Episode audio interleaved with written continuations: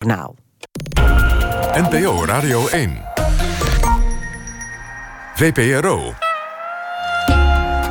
Nooit meer slapen.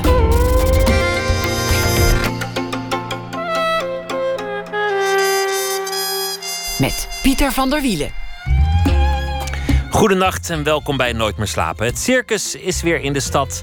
Na het faillissement een jaar geleden zag het er somber uit. Maar Circus Herman Rens is weer neergestreken in Haarlem. En Milko Stijvers die komt uh, zometeen langs. Hij was uh, ooit clown, werd directeur. En nu is hij weer clown. Een gesprek na ene ook met Hafid Bouassa. Die een eigen hertaling heeft gemaakt van Venus en Adonis. Maar we beginnen komend uur met Cees Notenboom. Geen andere Nederlandse schrijver is wereldwijd zo beroemd als Notenboom. Vertaald in meer dan 30 landen. Onderscheiden in alle hoeken van de globe. Van Chili tot Frankrijk, Japan en zo'n beetje overal elders. Ook in Nederland won hij de mooiste prijzen. Een groot deel van zijn leven was hij op reis en nog steeds is hij vaak weg. Maar hij is ook vaak daar geweest op scharnierpunten in de geschiedenis. Budapest 1956, Berlijn 1989. De laatste tien jaar verblijft hij graag op Menorca, een Spaans eiland, of hij is op Schiermonnikoog. Daar op het eiland is het niet de wereld of de geschiedenis die hem bezighoudt, maar het gaat in zijn laatste dichtbundel bijvoorbeeld veel over zijn eigen tuin en wat hij daar aantreft. De cactussen, de schildpudden en ook in het uh, schildpadden. Ook in het dagenboek dat hij eerder dit jaar uitbracht, duurde het wel even voor de woelige wereld zich aan hem opdrong.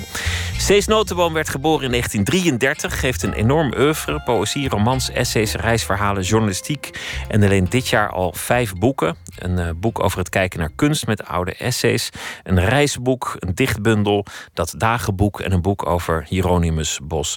Cees Notenboom, welkom. Vijf boeken in één jaar, dat is een nette oogst. Voor de rechtvaardigheid, dat grote dikke boek wat u daar heeft, wat het oog uh, je vertelt, dat is de oogst van heel veel jaren. Dat is, uh... begint in 1979, als ik het me goed herinner, en dan gaat het zo door met allemaal ja. essays over kunst. De, de kunst van het kijken en, en de schoonheid van het, van, het, uh, van het kijken. De dichtbundel, die, die poëzie, dat is, dat is misschien een wat, wat onderbelichte kant in het, in het oeuvre, maar wel een heel belangrijke kant. Voor mij in ieder geval, ja. Is dat waar het begonnen is? Ja, daar is het ook mee begonnen. Mijn allereerste bundel, en nu dadelijk af in de grijze oudheid, was in 1956. Is die uitgekomen. Uh, nee. Ja. De doden zoeken een huis. Een heel veelbelovende titel. Zo vroeg al, dus, dus eigenlijk tegelijk met, met de eerste roman... met, met, het, met, met de eerste schreden op het pad van, van het schrijverschap. Ja, ik denk dat sommige van die gedichten al nog eerder geschreven waren dan de roman. De roman heb ik in 54 geschreven. Philip en de anderen. Ja, dat is allemaal behoorlijk lang geleden, ja. Philip en de andere was, was een, een, een werk van een, van een jonge schrijver... waar, waar een enorme romantieke melancholie van afkwam. De, twee kanten die, die, dat, die in het werk zo sterk naar voren komen. Ze zijn nooit helemaal verloren gegaan, maar misschien wel meer getemd in, in het latere werk. Ja, dat moet ik zeggen. Het is heel merkwaardig, zo'n boek. Dat schrijf je in de absolute totale onschuld. Want ik kwam nergens vandaan. Ik was ook niet erg op de hoogte van veel dingen. In diezelfde tijd schreven Reven en Hermans... ik mag zeggen redelijk zwarte boeken. Uh, prachtige boeken, maar uh, die zijn op die leeftijd aan mij voorbij gegaan. Die heb ik pas later uh, gelezen en, en, en leren waarderen. Maar ik schreef dat in, ja, ik denk altijd, het kwam nergens vandaan. En uh, ik ben op een dag op het uh, openbare leeszaal van uh, Hilversum gaan zitten. En begonnen. En gewoon gaan schrijven. En gewoon gaan schrijven. En toen had ik het eerste hoofdstuk af. En ik wist dat er in Hilversum, de plaats waar ik toen woonde... een schrijver woonde. En dat was Max Dendermonde. Daar heb ik gewoon aangebeld met het eerste hoofdstuk. En toen heeft hij dat gelezen. En toen heeft hij dat voorgesteld aan Querido toen. En dat weet ik nog, want ik kom daar vaak voorbij. Single 262. En toen werd ik daar uitgenodigd. Bij twee dames. Waar ik zeer, door, uh, zeer van onder de indruk was. Want dat was de oude mevrouw Alice van Nahuis. Ja. En die zaten tegenover mij. En die zeiden dat ze dat eerste hoofdstuk mooi vonden. En dat als ik het boek zou afmaken, dat ik dan 300 gulden zou krijgen. In die tijd toch nog een heel aardig bedrag. Ja, in ieder geval kon ik daar toen van leven, want ik, ik was het huis al uit. Ik was uh, met 17 het huis uit. Ik werkte op een bank vroeger. In een uh, soort. Uh, niet in de bankierspositie, in ieder geval. Ja, en toen heb ik dat boek geschreven. In, ik mocht bij mensen logeren in Zeist. Daar op zolder heb ik dat boek afgemaakt en ingeleverd. En dan verschijnt het een jaar later en dan staat je naam op de omslag. En dan ben je een schrijver. Dan beginnen de problemen pas. En dan beginnen de problemen pas. Moet je nog echt je stem vinden. Toch blijft het een, een interessant werk, dat Filip en de anderen. Het, het, is, het is heel anders dan het latere werk, maar het, is, het heeft wel een soort, soort jeugdige urgentie, denk ik. Ja, in, in, in Italië zei iemand, er was iets verschenen... en toen zeiden ze, dit is een road een, which reads us on the road van Kerouac. Nou is het natuurlijk heel anders. Maar het was wel een vorm van on the road in de letterlijke zin. Want het was de neerslag van wat ik toen gedaan heb. Ik ben toen gaan liften door heel Europa. Zweden eerst en Noorwegen. En later naar het zuiden, de Provence. En daar is dat dan van die reis... is dat de neerslag. En het rare is dat toevallig twee weken geleden liep ik op straat, van Baarlestraat... en dan sprak iemand mij aan. En die zei, uh, bent u? Ja, dat ben ik. Uh, hij zegt, ik ben leraar. En ik lees op het ogenblik Philip de. Met, uh, op een college ergens in Nijmegen met de klas. En dat vond ik wel raar, moet ik eerlijk zeggen. Toen dacht ik, dat is toch 62 of zo jaar geleden. Dus het boek is op een of andere manier nog geldig. Dat... In, in de kanon terechtgekomen. En, en die twee thema's in het leven. Schrijf, gewoon gaan zitten en beginnen. En dat andere thema, gewoon vertrekken. Ergens naartoe gaan. Ja. Reizen. Die zijn altijd gebleven tot op de dag van vandaag. Ja, dat klopt. Dat is echt zo. En het is ook heel. Eh, ook latere boeken zijn nooit wat je noemt van tevoren bedacht. Ik weet, eh, ik, ik heb ooit in de kamer van. Eh, Faulkner gestaan in Oxford, Mississippi. Hè, toen hij lang dood was. Een soort museum. En daar stond op de muur het plot van. Uh, welk boek het nu was, weet ik even niet meer. Maar. Uitgedacht en. Maandag, dinsdag, woensdag, donderdag, vrijdag, zaterdag, zondag. Het ging over de, de week voor Pasen. En ja, dan heeft iemand een echt plan. En ook, ik weet ook van Harry Mullis, die had ook echt dingen helemaal uitgedacht, plan opgeschreven enzovoort. En daar zijn wel meer van die mensen, Nabokov, uh, die op kaarten het boek eigenlijk min of meer van tevoren al schreef. Ik ben daar wel jaloers op, maar uh, dat hoorde niet bij mij, bij wat ik kon. Dat kon ik niet. Bij mij moest de nood zo hoog stijgen dat ik ging zitten en vertrouwen hebben... dan moest de urgentie zo erg zijn dat er een boek kwam. En dat is eigenlijk bij alle boeken zo gebleven. Net als de reizen. Daar, daar was ook niet echt een plan. Een beetje een plan. Eh, er is een tentoonstelling van Tiepolo... en er blijkt ergens nog een mooi plafond te zijn. Of... Uh, of, of er moet misschien iets gedaan worden met, met een uitgave van een boek, maar verder geen afspraken maken, geen plan hebben, gewoon ergens naartoe gaan en zien wat er al daar gebeurt. Dat is in de loop van het leven een beetje veranderd doordat uh, bijvoorbeeld je uitgenodigd wordt ergens. Uh, bijvoorbeeld dit jaar twee keer. Eén keer in Colombia, één keer in Peru en één keer in Mexico. En dan ga je er wel heen. Maar vaak knoop ik daar dan voor mezelf een impromptu reis aan vast... die helemaal niet gepland was. Maar je gaat eerst naar die verplichting, zal ik dan maar zeggen... En dan weet je, dan ben ik er. En het is doodzonde om daar geen gebruik van te maken. En dan binnen zo'n reis maak ik een eigen reis. Dus in die zin is het nog wel hetzelfde. En dan is er nog het verblijf op het uh, eiland. Of het nou uh, in Spanje is of op de Wadden. Daar gaat de, de dichtbundel over. Het, het, gevoel van iemand die op een eiland zit. Wat, wat een aparte sensatie is natuurlijk. En daar de dingen beschrijft. In het, in het dagboek schrijf je... waarom zou ik me nog druk maken over de wereld? Waarom moet ik de wereld nog toelaten in mijn, in mijn gevoelsleven? Waarom moet ik me daar nog over ontfermen? Ja, dat kwam een beetje ook. Kijk, uh, ik vind dat ik mij in mijn leven uitvoerig met de wereld heb bezig gehouden. Uh, en dan kan ik altijd alleen maar de voorbeelden geven. Ik was in 1956 dat twee fotografen mij belden en zeiden: er is een opstand in Hongarije. Ga je mee? Maar je hebt tien minuten. En toen ben ik meegegaan. En dat opende voor mij een perspectief over, zeg nou maar, in die dagen. Het communisme zoals dat in het oosten van Europa bestond. En ja, daardoor ben ik daar terechtgekomen. En daardoor dan ook weer in Oost-Berlijn, waar het nog steeds bestond. Terwijl ik gezien had in Boedapest wat de gevolgen daarvan konden zijn. Hè? Omdat toen stond je daar op die avond, dat was in oktober, dat er mensen je vroegen: eh, kom, komen jullie ons helpen? En toen was ik al oud genoeg om te weten dat dat er niet in zat. En toen merkte je ook dat die Russen op dat ogenblik, uh, zeg maar, het, het land afsloten van twee kanten en grensdicht. En dan kon je er nog net uit. Maar jij kon eruit, maar heel veel mensen konden er niet uit.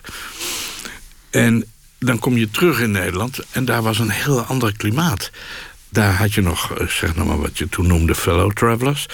Mensen die gewoon meededen, die dat een prachtig idee vonden... en die allemaal argumenten hadden van... Uh, om iets te bereiken. Als je een omelet wil bakken, moet je eigen breken en dat soort dingen. Die, die, nog lang geen afstand van het communisme hadden gedaan? Nou, dat was best ingewikkeld, want dat waren ook wel mensen waar, ik, uh, waar je iets mee had. Maar, maar tegelijkertijd had je toen de Vereniging van Letterkundigen... waar ik ook al lid van was. En daar wilden ze toen Teun de Vries... die dus echt een bekennende, echte communistische schrijver was... ook uit die vereniging hebben. En dat, dan weet ik nog dat ik met mijn piepstem betoogd heb... Dat, dat je dan precies hetzelfde zou doen als wat ze daar deden. En ja, dat waren toch wel bewogen dingen. En nou schreef onlangs, want dat is de aanleiding van de vraag die je stelt... dat ergens in een Belgische journalist die schreef van... Uh, hij mijmert te veel. En uh, ja, en uh, laat de wereld niet meer toe. Daar kwam het eigenlijk het verwijt op neer. En toen dacht ik, ja jongen, maar waar was jij nou... toen ik in Bolivia was in de tijd van Che Guevara... en dat allemaal heb meegemaakt. En nog zo vreselijk veel andere dingen. 89, de val van de muur. Of uh, nou ja, er zijn meer van die, van die momenten. Ja, en ik heb me daar altijd schrijvend mee bezig gehouden. Ik ben me niet echt iemand die partij is. Maar je, je hebt je... Ja, wat je, wat je opmerkt, wat je ziet aan ellende bijvoorbeeld.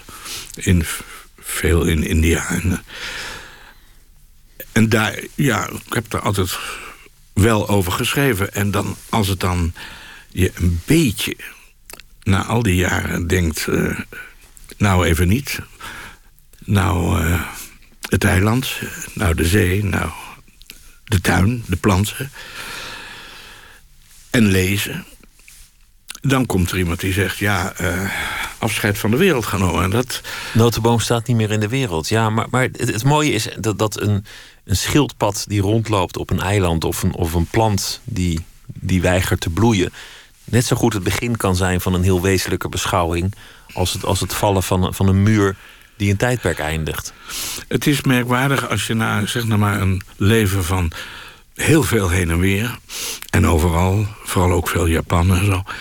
Uh, als je de rust vindt om je terug te trekken en, en te blijven zitten, dan gebeuren er allerlei merkwaardige dingen met je. Dat, uh, dat is wel zo. En dan zeg ik ook, en terecht, helemaal daaruit kun je nooit... want de wereld komt op allerlei manieren nog altijd binnen. Zeker deze afgelopen paar jaar. Dat gebeurt ook in de bundel. De, de vraag die wordt opgeworpen... waarom zou ik me nog ontfermen over de wereld? Bij wijze van spreken als er in de tuin al zoveel te zien is... maar even later is die wereld wel degelijk volop in het, in het dagenboek aanwezig. Ja, en er komt ook iets anders. Aan het eind van dat boek kon ik niet helpen, heb ik het ook over... dat is een heel ander aspect, dat is dan niet politiek, maar de ruimtevaart. En gewoon alles wat je hoort van we gaan naar Mars en we gaan dit. En ik weet dat er, in, dat er al jurisprudentie voorgepakken wordt over wie wat bezit en hoe je de rechtsstrijd over wie welke metalen uit welke buitenaardse werelden mag halen. En je weet, dat gaat allemaal waarschijnlijk ook gebeuren. Alleen er is een besef, daar ben ik dan niet meer bij. Ik, heb wel de, ik weet nog, ik zat op het eiland Menorca... waar ik een deel van het jaar doorbring... in het café, Visserscafé... waar uh, toen getoond werd op de televisie de maanlanding. Die twee, die Neil Armstrong. En daar zaten vier vissers te kaarten. En die keken niet op of om. Die, hebben ook, die, die gooiden gewoon hun troef op tafel en zaten te schreeuwen. En ik denk, jongens, kijk even daar. Dan loopt iemand op de maan. Geen idee, nee. En toen dacht ik, ja, dat kan ook. Hè? Het heeft ook wel een charme. Dat je gewoon bezig bent met je leven op dat moment. Ja, het, het maakte geen indruk. En ik was diep onder de indruk natuurlijk toch wel, ja. Maar hoe is het uh, als je bent geboren in 1933, een, een, een jaar voor, voor velen van, van angst, de, Ja. de Hitler aan de macht. Bewust geworden van de wereld in de Tweede Wereldoorlog. Je vader eh, verloren bij een bombardement. Eh, je eerste journalistieke reportages meteen over de, de opstand in Hongarije. En zo'n heel leven midden in die geschiedenis. En dan op een zeker ogenblik weten dat er allemaal grote dingen aan zitten te komen, aan het gebeuren zijn, die misschien wel voor de volgende generatie zijn. Ja, en dat, dat is een besef wat dan tot je doordringt, echt. En eh, daar moet ik ook van zeggen... eh, niet van een zekere vermoeidheid over alles... maar je herkent veel dingen. Je denkt, oh ja, dit wordt dus een gigantisch conflict. En je merkt dat allerlei mensen zich daar heel druk over maken. En toen dacht ik, ja, en toen ik zo oud was... toen wij voor de, atoombom, om maar eens iets te noemen... dat was een schrikbeeld. 160.000 mensen in één keer. En dan later de waterstofbom. En al die dingen waar je bang voor moest zijn en ook best bang was. En de hele dekolonisatie, dat waren ook woelige tijdperken. Ik weet dat ik in Parijs in die jaren... daar had je die, de, de onafhankelijkheidsoorlog van de Algerijnen... met natuurlijk de daar verdrevenen.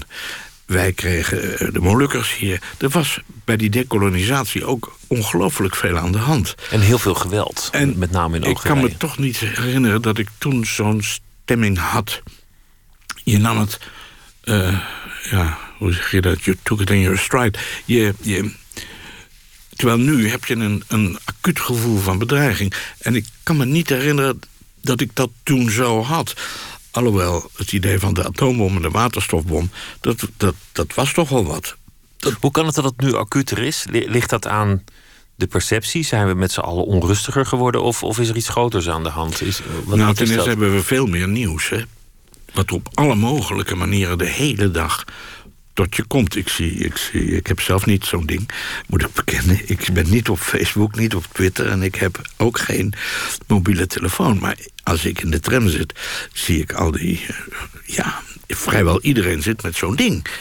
En dan maak je jezelf ook wel een En dan beetje weet gek. ik niet of ze de hele tijd nieuws kijken. Ik neem aan van niet. Ik denk van alles en nog wat. Maar ik weet ook dat daar doorheen wordt van alles en nog wat geschoten... wat ze kennelijk allemaal dan en nu en meteen moeten weten. En eh, die urgentie was er op die manier natuurlijk niet. Dus dat is een, wel degelijk een echte verandering. En dan is het ook wel ehm, een zegen als het nog kan om, om te kijken naar een plant. En aan de hand van die plant de wereld te beschouwen. Om, om daar de, de, de rust en, en de, de, nou ja, ook, ook het talent van kijken voor te hebben. Nou, kijk, ik ben veel in Japan geweest. Hè? En dan zie je eh, dat het heel vaak voorkwam... dat mannen van een jaar of x na een werkzaam leven... zich in een klooster terugtrokken. Dat is hier niet zo gebruikelijk. Of je zit erin, of je... Hè? Maar eh, dat zo, denk een bewust afstand nemen van de wereld...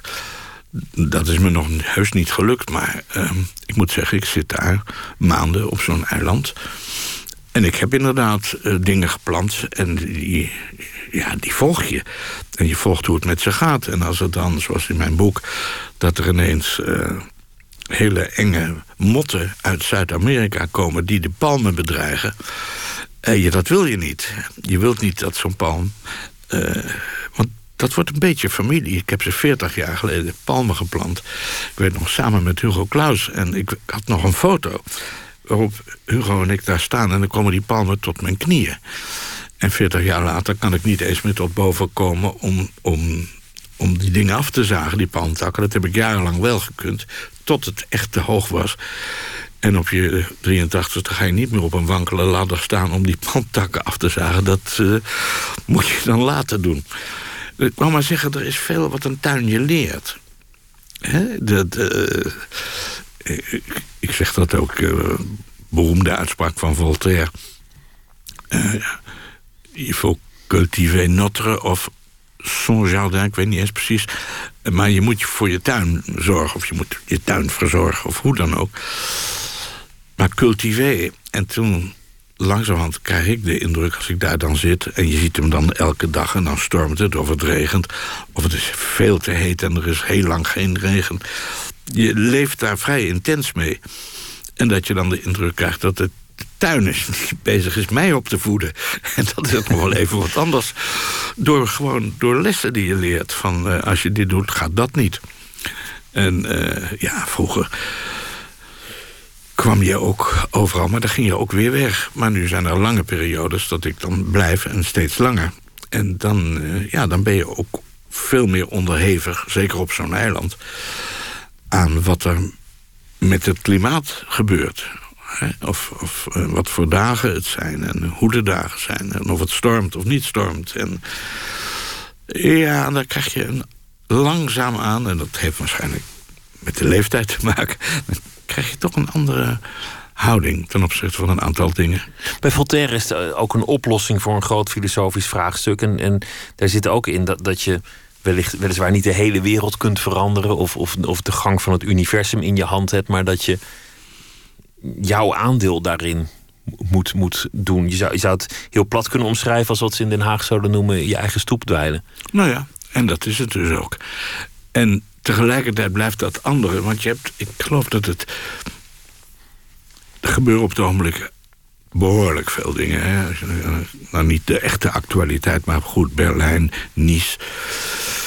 Uh, maar ja, als je dingen leest over de Tweede Wereldoorlog... dat was natuurlijk net zo spannend voor de mensen toen die hier woonden. Maar er zijn dingen waarvan je het gevoel hebt dat je er nog iets aan zou kunnen doen. Er wordt ook voortdurend een beroep op je gedaan. Maar er zijn ook wel dingen waarvan je zeker weet... dat jij daar niks meer aan kunt doen. Dat, dat gaat zijn gang. En, en ja...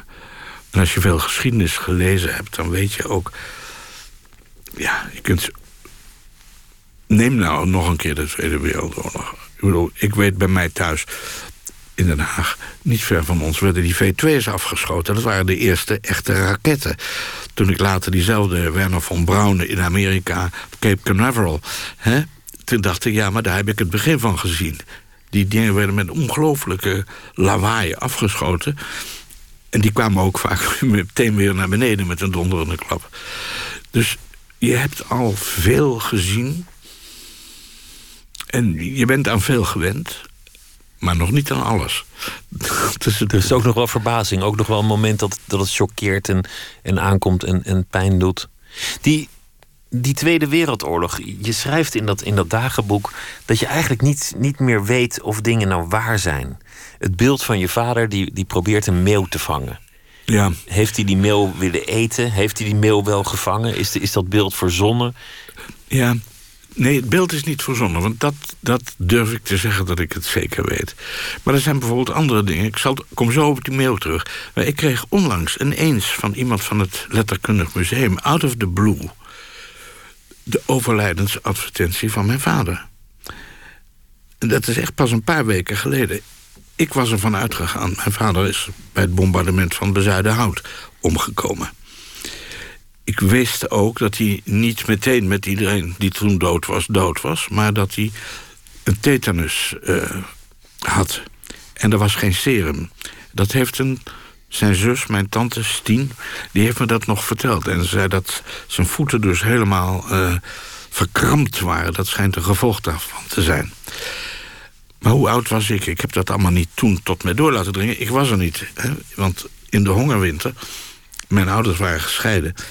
En toen heeft uh, mijn vader mij naar mijn moeder gestuurd... die op het platteland zat. En uh, daardoor ben ik de ergste maanden van de hongerwinter zijn mij ontgaan. Maar het was wel zo dat... Ik ben toen meegekomen met een vrachtwagen... die van de, uit de provincie kwam. En daar kreeg ik van die boer boterhammen met boter. En daar werd ik doodziek van, want we hadden dus eigenlijk niks meer. En in die periode heb ik gezien dat mijn vader op een plat dak achter het huis... een soort schilderijenraam had gemaakt... en daar een deken in had gespannen. Dat beeld kan ik niet verzonnen hebben. En dat hij dat aan een touw had. En als die meeuwen dan landden... achteraf denk ik, waren het nou toch geen duiven... maar ik heb echt meeuwen op mijn netvlies... en daarna weet ik het niet meer. Want ik weet niet dat hij ze dan doodsloeg of, of, of doodstak... of hoe, wat je ook zou zeggen. De, de tulpenbollen zijn, zijn rijk gedocumenteerd dat die werden gegeten... Maar, maar van de vogels weten, weten we volgens mij niet zoveel. Ik heb het nooit gehoord in ieder geval. Ik weet wel dat hout, bomen, alles werd zoveel mogelijk gekapt op het laatst... omdat er niks meer was. Maar ik heb die allerergste maanden van die hongerwinter niet meegemaakt. En nu is het rare in die dichtbundel... Die dichtbundel bestaat uit droombeelden en gedeeltelijk ook droogbeelden. Maar dan heb ik het over mijn vader. En ik weet nog, als, als kind weet je... Uh, ja, God weet, nervositeit, ik weet niet... maar hij at lopend. Niet, niet, niet, laat maar zeggen, het avondeten... maar dat hij, waarschijnlijk heb ik hem gezien... dat hij brood had en die heen en weer liep of zoiets dergelijks. Dat is me als beeld bijgebleven. En nu zeg ik in dat gedicht... ja, dat gedicht kwam er ineens uit op Schiermonnikoog.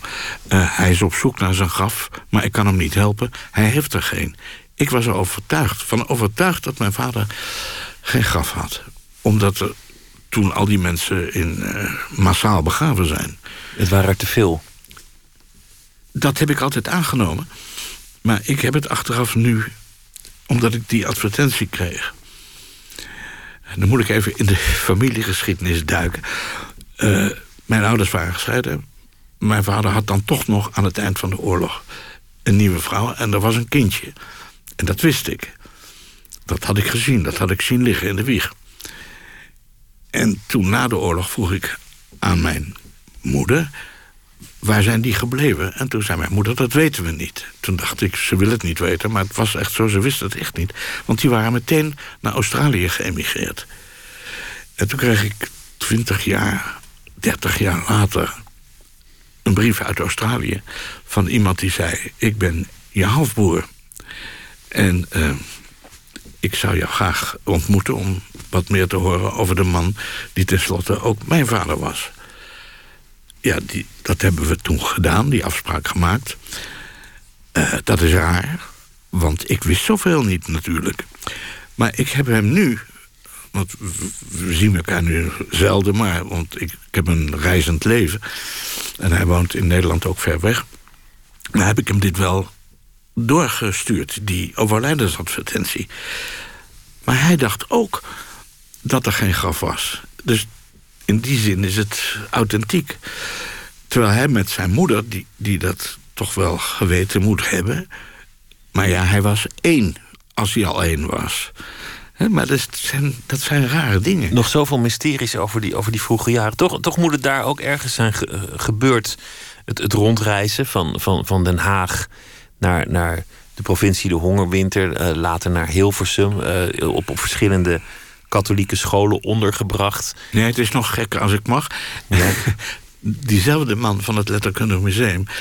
toen er een, een, een, hoe noem je dat, een tentoonstelling over mij gemaakt werd... leven en werk. Ik weet niet, echt niet, ik ben heel slecht in data... maar dat is wel een jaar of tien geleden, denk ik. Toen kwam hij bij mij met een lijst en zei... wist u dat uw ouders tussen uw geboorte... en het begin van de Wereldoorlog acht keer verhuisd zijn... Nou, dat zei mij niets. En ik ging met die lijst naar mijn moeder en ik zei... Uh, dat staat hier. En toen zei ze, maar dat is niet waar. Toen zei ik, ja, maar hier zijn acht adressen. En toen zei ze, ja, het is wel waar. Dus... Daar begon het al. Het, toen, het, toen heb ik gezegd, ja, zo, zo kweek je een nomade. Hè? Een, een vagebond, ja. En daarom heb ik ook hele... Ik heb ik ben altijd jaloers op schrijvers zoals Proest of Nabokov... met een georganiseerde jeugd, met gouvernantes... een vader met een bibliotheek en alles. Maar niets van dat alles. En dan denk je, die onrust... misschien is dat daar aan te danken. Altijd dat heen en weer. Ik heb geen herinnering. Ik weet ook niet een eerste schooldag... waarvan ik altijd denk dat andere mensen dat wel weten. En, pas, en toen is mijn moeder in 1948 getrouwd met een zeer katholieke man. Want zover werd er aan de kerk niet gedaan, want mijn ouders waren al gescheiden.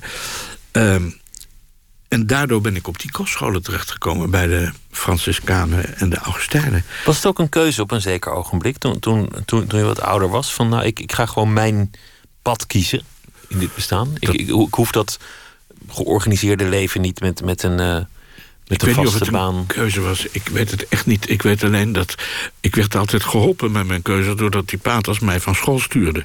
En dan uh, kreeg mijn moeder me weer. En toen ging ik weer naar een volgende kloosterschool. Ja, en die hebben mij er ook afgestuurd. Uh, en, en het gekke is dat ik geen ellendige herinneringen heb. Ik ben die scholen ongelooflijk dankbaar. Omdat alles wat ik aan klassieke opvoeding gehad heb... Homerus, Virgilius, al dat, Latijn, Grieks... ik heb die scholen nooit afgemaakt. Maar, uh, want daarna kwam, werd ik weer... en toen kwam er nog een andere school... en nog en toen, op het laatste een avondlyceum en toen helemaal niks meer. Toen ben ik met mijn zeventiende het huis uitgegaan. Maar je was, was kennelijk toch te dwars of, of, of moeilijk te handhaven? Een moeilijk kind, denk ik, ja. Het zal wel. Het zal, ja, het is geloofwaardig. We, we hebben het al gehad over, over, over de eerste roman, Filip en de andere. Daarna kwam een andere periode in het leven, namelijk op de rand van literatuur en, en journalistiek. Iets, iets dat nu niet zo heel veel meer bestaat. Onder meer voor het tijdschrift Avenue. Een, een glossy avant la lettre was dat. Er ging iets aan vooraf. En dat was uh, Joop Luker, toen de hoofdredacteur van de Volkskrant. Die had mij op de een of andere manier nou, daar gingen twee dingen aan vooraf wat journalistiek betreft. Eén was dat ik een meisje uit Suriname had leren kennen. En uh, die vader die was iets bij de Surinaamse scheepvaartmaatschappij. En die vond dat ik kennis moest komen maken. En ik, ik wou zelf dolgraag naar Suriname. En die schreef toen een brief... Uh, er is een schip, was hier gebouwd... voor de Surinaamse scheepvaartmaatschappij. En je kunt gratis met dat schip mee, maar je kunt ook werken. En als je dat doet, dat soort dingen, die bedragen, die weet ik nog. Als je dat doet, verdien je 359 gulden. En toen dacht ik, ja, ik laat me niet kennen. Dus ik heb me toen aangemonsterd als tussen aanhalingstekens matroos. Dat was wel een, ik heb wel een echt monsterboekje ook. Ja, en dat was hard werken aan boord. En daardoor ben ik in Suriname terechtgekomen. En later... Ik moet even terug zijn bij je vraag. Oh ja, en toen heb ik mij gemeld bij Elsevier. Wat was ik? Uh, 22 of zoiets. En op de kracht van Philip en anderen, wat toen net verschenen was... hebben die toen gezegd, schrijf voor ons een aantal artikelen. En daar heb ik mijn eerste reisverhalen geschreven. Frans-Guyana, Brits-Guyana, uh, Trinidad, Tobago. Allemaal op die reis uitgestapt, afgestapt enzovoort. En toen, toen het blad Avenue, dat achteraf een legendarisch blad is, maar in der tijd nog een beetje scheef werd aangekeken, omdat het nou, een toch beetje te verleiden heel was. scheef aangekeken. Ik weet echt nog dat die journalisten van de NRC, ik heb het al vaak verteld hoor, maar dat die mensen die vonden dat helemaal niks. Die zeiden maar, hoe kun je nou toch schrijven voor een blad waar dameslingerie op de achterkant van je artikel staat? En dan zei ik natuurlijk, ja, ik had ook wel een antwoord. Ja, en bij jullie staan personeelsadvertentie van de Shell aan de achterkant van je artikel. En wat is nou het essentiële verschil? Maar dat was toen, dat hoorde je niet te doen op de een of andere manier. En nu zit iedereen te jammeren van jammer dat zo'n blad niet meer bestaat met een goede journalistiek, met fantastische Prachtige fotografie. foto's, ja. ja, nou ineens is iedereen nostalgisch. Maar toen, toen, en ik weet nog, Jan Donkers, hier bij de VPRO, grote vriend... die toen tegen mij een keer zei, dat, uh, nou, dat leek hem wel wat... maar ja, als je dat deed, dan krijg je zoveel last met je omgeving. Toen heb ik gezegd, ja, je bent gek. De Esquire en, en uh, hoe al die bladen in Amerika heten... die jij altijd leest. Wat denk je daarvan dan? Dat is toch hetzelfde? Nou ja, toen is hij er toch bij gekomen. En, toen, uh, en dan moet je inderdaad, moest je daar dan dingen over horen van de omgeving. Dat was, er is geen andere uitdrukking. Dat was not done, dat deed je niet. Het betaalde wel genoeg om de reizen te kunnen maken. En het gaf een podium om, om de verhalen te kunnen schrijven. Op, op een zeker ogenblik hield het op. En volgens de legende heb je toen in een, in een, in in toch een vlaag van verontwaardiging, omdat het ophield, gezegd: dan zal het vanaf nu slecht met jullie gaan en goed met mij. Dat heb ik inderdaad echt gezegd, ja. Maar dat was een soort jupachtige... mijn geliefde redactrice, Marijn van der Velde... Uh, die mij altijd de vrijheid liet om te gaan waar ik wou. Ze, alleen niet elke keer Spanje. En nou moet je eens een keer echt ergens anders naartoe. En, uh, maar die liet mij de vrijheid. En daar zijn al die reisboeken aan te danken. En ik moet zeggen, zoals nu onlangs is een van die reisboeken weer in het, in het Chinees vertaald. Dan denk ik, ja, toen heb ik gezegd... met, met jullie zal het slecht aflopen. Een paar jaar daarna was nu verdwenen. En ja, die stukken die zijn er nog. En, uh... en, en, voor jou kwam de internationale doorbraak. Cees Notenboom, een, een, naam die in het, in het buitenland... Uh, tijdlang groter was dan in Nederland. En dan ook altijd de uitspraak, dat vind ik interessant. Dan is uh, Noetboom of Noetbaum of ja. Nutbum. Of, uh... Ja, nou ja, het is een rare naam. En ik weet nog dat toen ik die prijs gewonnen had... waardoor dat boek in Amerika verscheen... dat was een Amerikaanse jury... dat liet iemand mij de interne brief zien. En uh, a man with that kind of a name will never make it in the United States of America. Want dat, terwijl ze daar toch behoorlijk gekke namen hebben. En ook heel veel Nederlandse namen. Ja. Dus uh, ja, als ze er maar aan winnen met al die O's. En ik zeg altijd, kijk, heel vaak als er een stuk verschijnt... het zijn dus vier O's. Maar dat is ook vier nullen, zeg ik dan. En dan had ik bijvoorbeeld een groot stuk in die tijd in Duitsland. En dan uh, hadden ze er één weggelaten. Dat doen de mensen heel vaak. Die eerste O wordt altijd weggelaten. Na analogie van notebook. Hè? Eén O en dan twee O's. En toen heb ik ze een brief geschreven. Daar heb ik gezegd, mijn naam heeft vier nullen. En u wordt verzocht, als u dat nog een keer doet... die nul bij het honorarium erbij te zetten. En dan gebeurt het nooit meer. Toen is het goed, ja. Ja, ach ja. Phil, je, je, je, noemde Hugo Claus. Jullie hebben samen een boom geplant. Die boom die staat er nog en die, die boom is groter dan jullie ooit konden vermoeden. Veel van je, van je vroegere vrienden, veel van je tijdgenoten, die, die zijn er niet meer. Nee, dat, alleen, is, dat is een moment dat natuurlijk komt in, in het bestaan. Dat is zeker zo en dat is niet het aangenaamste deel. Uh, ik ben bezig geweest de afgelopen zomer met oude dagboeken. Ja, en dan zijn mensen, Mullers is weg, uh, Hugo Claus is weg... maar veel andere, Jan Elburg, Gert Kouwenaar... echte vrienden en ook vrouwen die je gekend hebt... Uh, Remco is er nog, zeg ja. ik, blij. en uh, dat, uh, ja, ja, dat is, het hoort erbij, maar niet alleen dat. Ook mensen in de familie, je ouders. nou ja, mijn vader dus sowieso, maar vrienden, andere vrienden. Boeie Brugler. Hm? Mensen met Hoornik, met wie ik in Oost-Berlijn geweest ben... op het congres van de Oost-Communistische Partij en zo... die dan alle twee in Boegenwalde gezeten had. Dat waren hele merkwaardige, nostalgische reizen met die twee erbij... die met Duitsland natuurlijk een hele andere ervaring hadden dan ik zelf. Ja, er verdwijnen heel veel mensen, ja. En dan, uh, Wat verandert dat? Dat je, A, dat je ervan doordrongen raakt dat je zelf ook wel zult verdwijnen. En uh, het verandert veel, want er waren... Kijk, ik zit ook in die zogenaamde herenclub. Nou, nu zijn het er nog vijf. En het waren er ooit twaalf. Uh, en als ik dan die foto's zie, dan kan ik ze zo... En die is er niet, die is niet, die niet, die niet, die niet. Ja, dat zijn dingen die gebeuren. Dat, uh, daar, daar moet je mee leven. Je hebt geen keuze, want het gebeurt. En, en je moet blij zijn dat je er nog bent, et cetera. Dat, dat begrijp ik ook. Maar het is um, ook een zegen dat je, dat je misschien nog in een goede conditie bent stap niet meer in, een, in het trapje om, om de palmboom uh, in nee. te gaan. Dat niet, maar verder alles nog wel. Nee, je merkt een paar dingen hoor. Het is uh, bijvoorbeeld in, in, deze prachtige studio is een ellendige trap die jullie hier hebben. Omdat er geen leuning is. Het zijn alleen van die dunne, losse spijlen. Het, je hebt wel... Uh, sommige dingen heb je nodig. Maar ik ben toch dit jaar nog... Ja, toch nog in, in Peru, en Colombia, Mexico geweest. Drie verschillende reizen dat gaat nog. En, uh, Maar dan ben ik ook blij als ik weer straks een aantal lange maanden in mijn eigen tuin kan zitten daar in het zuiden. Amsterdam vind ik krankzinnig druk worden.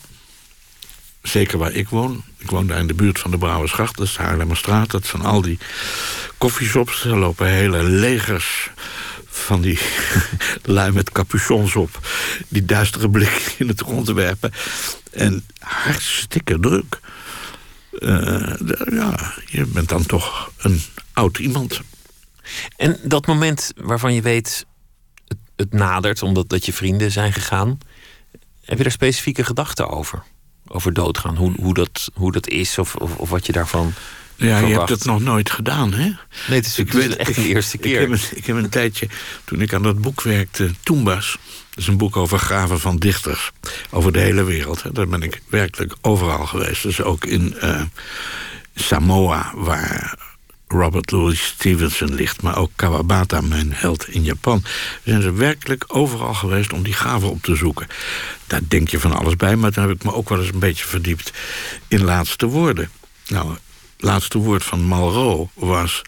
Uh, je ne savais pas que c'était si facile. Ik wist niet dat het zo makkelijk was. Boem, en dood. dat is één. Maar Paul Claudel die heeft dus gezegd... dokter, denkt u echt dat het de worst was? En dan laat hij je toch met een grote gaat achter. Is hij in die worst gestikt of wat? Dus je weet helemaal niet wat voor ogenblik dat is. Maar die twee citaten maken het eigenlijk heel gewoon. Bijna een banale handeling. Ik wist niet dat het zo makkelijk was. Of zou het aan de worst hebben gelegen en, ja. en meer is er niet. En dan is het ook wel mooi, Je zult het zelf moeten doen. Want je, je zult het nooit weten tot het zover is. Ik, ik, las bij Robert Ammerlaan in dat boek over Harry... dat Harry Mullers gezegd dat ik ga naar huis. Ja, ik kan me dat helemaal niet voorstellen. Van hem dus. En dan denk ik, ja, god, als dat het laatste was... was het misschien wel oké. Ik heb geen idee. Toch heel productief de laatste jaren. En eh, voor, voor een deel oude essays die nu het daglicht zien... maar ook nieuw werk. Uh, de, de, de, nou ja, de tijd van oogsten noem ik, ik het aan het begin. Dat, daar lijkt toch nog een soort drang in te zitten. Oh, die is er zeker, ja. Ik kan me, zonder schrijven kan ik het me niet voorstellen. Maar uh, kijk, dat ene boekje wat je daar hebt liggen... Hè, dat... Uh, in de sporen van Don Quixote. In de sporen van Don Quixote, dat was iets merkwaardigs. Ik ging naar Colombia en daar heb je een universiteit... dat heeft een fantastische naam. De Universiteit van de Andes. Wat je je daar nou precies bij voor moet stellen. Ik zie dan hele hoge bergen, die heb je daar. Maar die mensen hadden... Daar had iemand die stukken uitgezocht uit mijn werk... wat voor zover het in Spaans vertaald is. En die heeft dat samengesteld en dat heeft de, bij, de bezige bij integraal overgenomen. Dus dat is een boekje wat andere mensen gemaakt hebben... van iets wat er al was. En dat vind ik heel leuk. Maar Schiermonnikoog, tenminste... Dat, die bundel heet Monniksoog. Want ik wil niet doen alsof iemand die die bundel leest... Uh, dat hij dan een, een soort gids van Schiermonnikoog... Met, niks... met de bundel in het hand naar het eiland gaat... en daar kijken waar het was. Nee, zo werkt het niet. Maar het is wel zo geweest dat ik daar was... en ik had lang geen poëzie geschreven... en ineens vloog die poëzie me gewoon om mijn oren. Dat ging vanzelf. En toen ik een aantal had... ja, zomers ben ik dan op een ander eiland. Een mediterrane eiland. En daar ben ik ermee doorgegaan. Maar om die bundel af te maken ben ik weer teruggegaan naar Schiermonnikoog. En, uh, ik Die twee eilanden lopen, lopen moeiteloos in elkaar over. In de bundel wel, in de werkelijkheid natuurlijk niet. Het is alleen, eh, je moet er alle twee met een veerboot naartoe. En alleen uh, de veerboot naar... Uh, tenminste, als je je boeken en je computer en je weet ik veel... alle ja, archief mee wil nemen en je gaat naar Menorca... dan heb je acht, negen uur boot. Maar Schiermonnikoog ben je in een uur vanaf Lauwersoog. Uh, ja, dat is een verschil. Hè? Het ene is toch geïsoleerder. Het woord geïsoleerd komt van het woord isola, is eiland. Het is meer eiland als het verder weg is dan, uh, dan, dan zo'n prachtig waddeneiland. En toch, als je in Schiermonnikoog bent, ben je heel ergens anders. Dat is zo anders door die enorme zandvlaktes die je daar toch, toch, toch, buiten de wereld. De, de, de vaste, het vasteland lijkt ver weg met, met al zijn zorgen en beslommeringen... lijkt op zo'n eiland ver weg. Dat is de overkant. Ja, je ziet het als een vage schim. Zeker nu in dit jaargetijde, want ik was er pas nog. Uh, schimmig aan de horizon. En soms zie je iets van licht van een iets, maar het is toch ver weg, ja. En s'avonds is het heel, heel, heel stil. En je, als je bepaalde wandelingen maakt, hoor je de branding in de verte. En, uh, er zijn geen auto's. Hè? Je bedoel, alleen de inwoners, en dat zijn er niet zoveel, hebben een auto. En voor is, is dat ook, ook, ook deel van, van de aantrekkingskracht dat je dan een buitenstaander bent? Ja. Het wereldtoneel is daar aan de overkant en, en, en jij aanschouwt het met afstand. Kijk, ten eerste is er iets met mensen van een eiland. Uh, dat zijn hele speciale mensen, moet ik zeggen. Dat zijn bijzondere mensen vaak. Uh, en vroeger, zo'n eiland als Menorca was veel geïsoleerder. Want er ging maar één boot in de week. En dat merk je ook. Er zijn bepaalde feesten met paarden. Die zomers. Elk dorp heeft een heilige en dan heb je een feest. En allemaal met paarden. Eigenlijk voor ons lijken ze identiek. Voor die mensen daar zijn ze dat helemaal niet. En dan trekken ze altijd nog allemaal op zo'n eiland naar zo'n feest toe. En uh, dat moet heel oud zijn. Dat vroeger was het zo geïsoleerd. Kom maar eens aan een vrouw. Dus dan trokken ze van San Clemente naar, uh, ik zeg maar wat, naar Ciudadela. Het was natuurlijk ook een huwelijksmarkt. Uh, dan leerde je wat andere mensen kennen dan in je dorp. En dat is op de een of andere manier gebleven. Want ze trekken nog steeds elk jaar. En ze komen, Menorquinen komen uit de hele wereld voor uh, eh, 24 juni. Uh, dan is het grote feest van de hoofdstad. En toch ben je daar, hoe lang je er ook al komt en woont... Uh, niet van, van die, die oude clan die er woont. Niet, nee. niet, niet een, een oorspronkelijke bewoner. Nee, dat moet je ook nooit proberen. Dat, dan, ik merk het ook altijd. Ik zit er soms ook zwinters. En dan zijn de toeristen weg. Want je hebt twee soorten mensen. Je hebt reizigers en je hebt toeristen. En als de toeristen weg zijn, dan zijn ze weer onder elkaar. En ik ken mensen die daar wonen, buitenlanders... die meer over het eiland weten dan de eilanders zelf. Dat wil nog niet zeggen dat je ooit een eilander kunt worden. Je, je, Want je, bent niet mensen op de lagere school geweest. Je bent een Nederlander die goed Spaans spreekt, maar meer ook niet. Zo ongeveer. Ja. Is dat ook een rol die je in het leven hebt opgezocht door, door te reizen? Zodat je kunt beschouwen. Dat je in het café bent waar die vissers met elkaar bezig zijn. Terwijl jij naar het tv-scherm kijkt. Ja, ik vraag me af. Ik denk het wel. Ik denk dat het een hele goede vraag is ook. Maar ik denk ook als ik, zoals ik ben, een Spanjaard was. Dus uh, dan zou ik wel gekeken hebben naar de eerste man op de maan. Want ik ben tenslotte geen visser. Hè? Ik ben iemand die de krant leest. En uh, die de dingen een maar, beetje... Maar, maar niet iemand die meedobbelt met, met de lokale bevolking. Het, het, het, doel van alle reizen was niet om een Spanjaard of een, of een Japanner of een, of een Chileen te worden. Nee, en dat moet je ook nooit proberen. Maar uh, ja, je kunt... Kijk, ik kom op dat eiland ook meer dan 50 jaar. Dus, eh, en ze spreken onder elkaar Catalaans. Hè? Of, of, tenminste een vorm van Catalaans, Menokins. Dat kan ik wel lezen, maar dat kan ik, ik kan wel Spaans spreken. Maar dat, daar waag ik me niet aan. Want daar, dat, dat lukt niet, volgens mij. Ik ken wel Nederland, Nederlanders die Catalaans kunnen spreken. Maar dan is nog weer het Menokins een hele ander derivaat van die taal. Dat is... Uh, ik zeg altijd, omdat ze behoorlijk erbij schreven... Dat komt omdat ze altijd, daar waait het altijd, dat je altijd tegen de wind in moet schreeuwen. Het is een. Uh, maar ik herken het uit duizenden als ik in, in New York loop en ik hoor twee Menokinen achter me, dan weet ik, jullie komen daar vandaan. Maar het is, als je, als je daar vandaan komt ook, dat, dat je altijd gekend wordt zoals je ooit was bedoeld te zijn. Het houdt je ook vast. Het is niet dat je, dat je elke rol in het bestaan aan kunt nemen. Terwijl als je op reis bent en je bent de vreemdeling, de buitenstaander, dan kun je experimenteren. Dan kun je, kun je denken, misschien ben ik wel dit of misschien ben ik wel dat. Op vakantie kun je alles proberen. Ja, vakantie is natuurlijk te kort. Hè? Ik bedoel, vakantie is twee weken op de camping, op, op, op reis. Daar heb je niks aan. Nee, maar ik bedoel, het wordt je wel natuurlijk duidelijk gemaakt als je voor de vierde of vijfde keer, vooral in Japan, als je voor de ik denk dat ik zeker twaalf keer. Uh, dat wordt nooit. Uh, langzamerhand heb je er veel over gelezen, je weet veel. Ik heb, mijn vrouw is fotograaf, we hebben een groot boek gemaakt, Psychoku. Dat was een pelgrimstocht die al in het jaar 1000 bestond. Die hebben we niet uit religieuze motieven, maar gewoon om te zien... omdat die historische banden heeft met die grootste Japanse roman ooit. Namelijk geschreven in het jaar 1000 eh, door Muraka, Murasaki Shikubo. Dat is zo'n fantastisch boek. Dat was het leven aan het hof daar. Dat waren de mensen, dat, letterlijk werd dat zo gezegd, die boven de wolken wonen. Volk bestond eigenlijk helemaal niet eens. Alleen dat hof bestond. Ja, en dan weet je dat zijn verslagen bij Saigon bijvoorbeeld... over hoe die pelgrimstocht dan was. En als je dan naar die kloosters gaat die daar dan... sommige nog echt zo zijn, meerdere zelfs...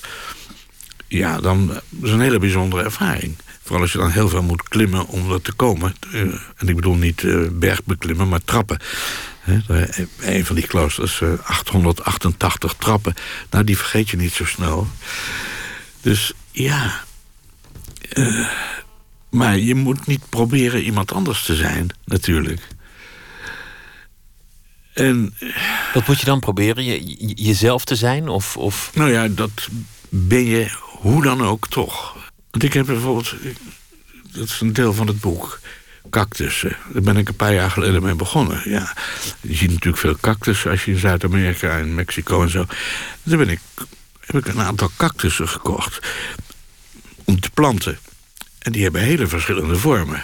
Het zijn rare dingen hoor, en in het begin, je denkt altijd aan die ene vorm die iedereen altijd kent... en die op je tequila fles staat. Ja, uit Arizona. ja, en er zijn en dan merk je toch, dat is een soort... Het klinkt heel belachelijk natuurlijk wat ik zeg... maar het wordt toch een soort familie.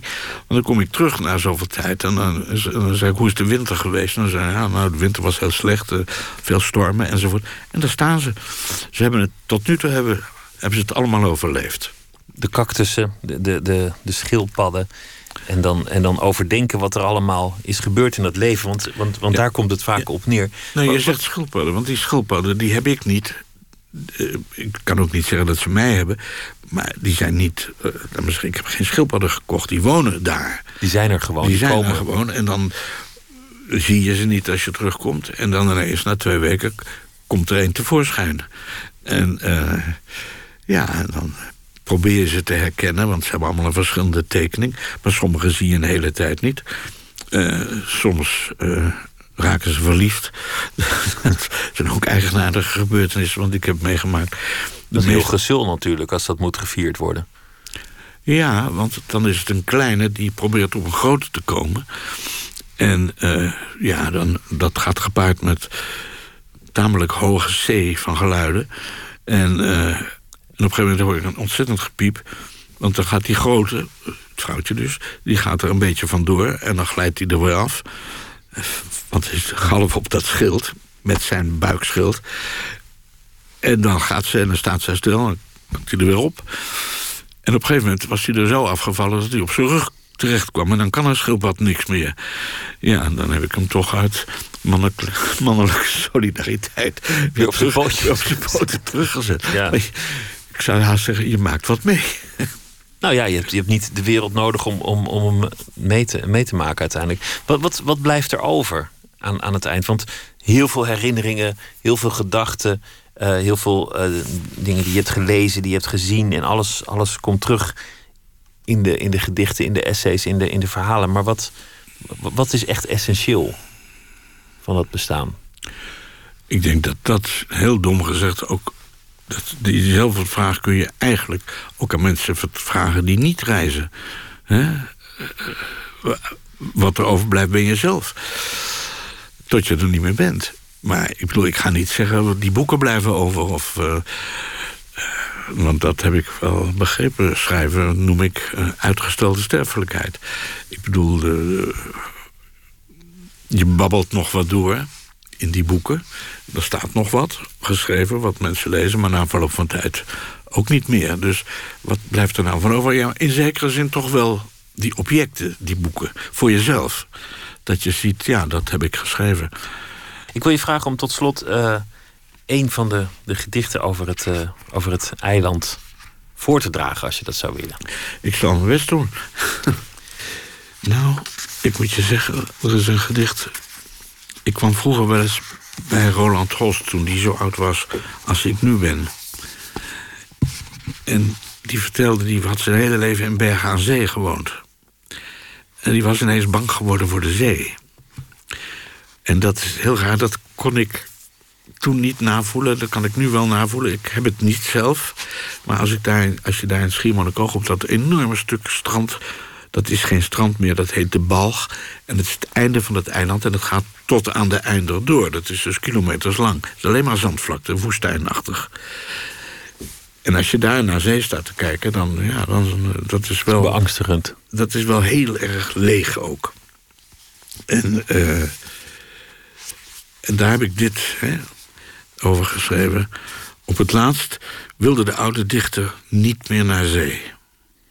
Wat zo wijd en open was, joeg hem angst aan, zei hij. Hij zag zijn doorzichtige leven in een doorzichtige dood. Een schip hielp niet meer.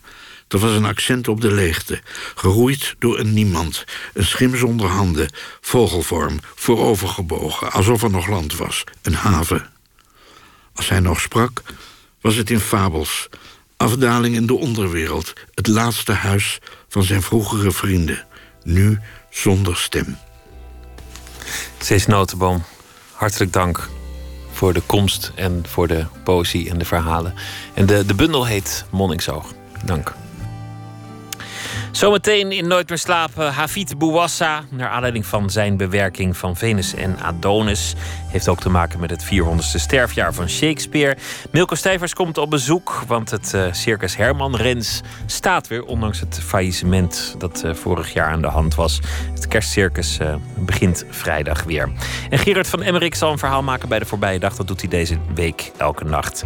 En als u wilt twitteren, dan kan dat. VPRO NMS. We zitten ook op Facebook. U kunt zich abonneren op de podcast via de website vpro.nl/slash nooit meer slapen.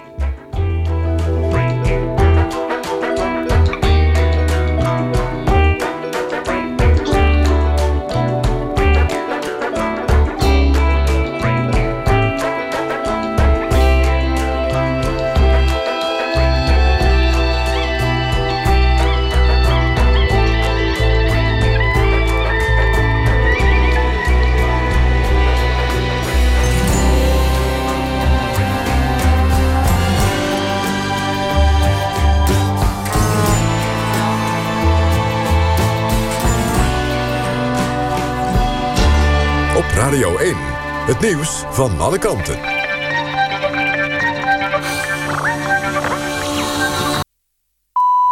1 uur. Renate Evers met het NOS Journaal. Oud-PVDA-leider Samson vindt nog steeds dat het een goede keuze was... om met de VVD te gaan regeren.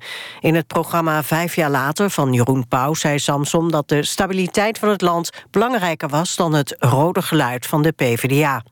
Het meedoen naar de coalitie heeft de partij geen goed gedaan. De PvdA staat er slecht voor in de peilingen. Samson denkt dat hij de compromissen die met de VVD zijn gesloten... niet goed heeft uitgelegd aan de kiezers. Vorige week werd Lodewijk Gekozen tot lijsttrekker... en Samson zei in het interview dat hij zijn vertrek vreselijk vindt. Hij noemde het fractievoorzitterschap de mooiste hondenbaan die er is. Het plein in Berlijn, waar maandag een aanslag werd gepleegd, is weer vrijgegeven. Het plein bij de Gedächtniskirche is weer voor iedereen toegankelijk... en donderdag en vrijdag is de kerstmarkt ook weer open. Op het plein is een plek ingericht waar mensen de slachtoffers kunnen herdenken. Bij de aanslag vielen maandag twaalf doden. De politie in heel Duitsland is op zoek naar de Tunesiër Anis Amri. Die wordt gezien als hoofdverdachte. De Franse regering wil dat agenten sneller hun wapen mogen trekken bij zelfverdediging. Het kabinet stuurt komende maand een wet naar het parlement... die moet regelen dat agenten bijvoorbeeld kunnen schieten op auto's die op ze afrijden. Op dit moment mogen Franse politiemensen alleen schieten... als ze worden aangevallen door bewapende mensen... en na het geven van herhaaldelijke waarschuwingen. De roep om de versoepeling komt na een incident in oktober... waarbij vier agenten in een voorstad van Parijs... werden bestookt met molotovcocktails en gewond raakten. Zij durfden niet te schieten omdat ze bang waren om de regels te overtreden.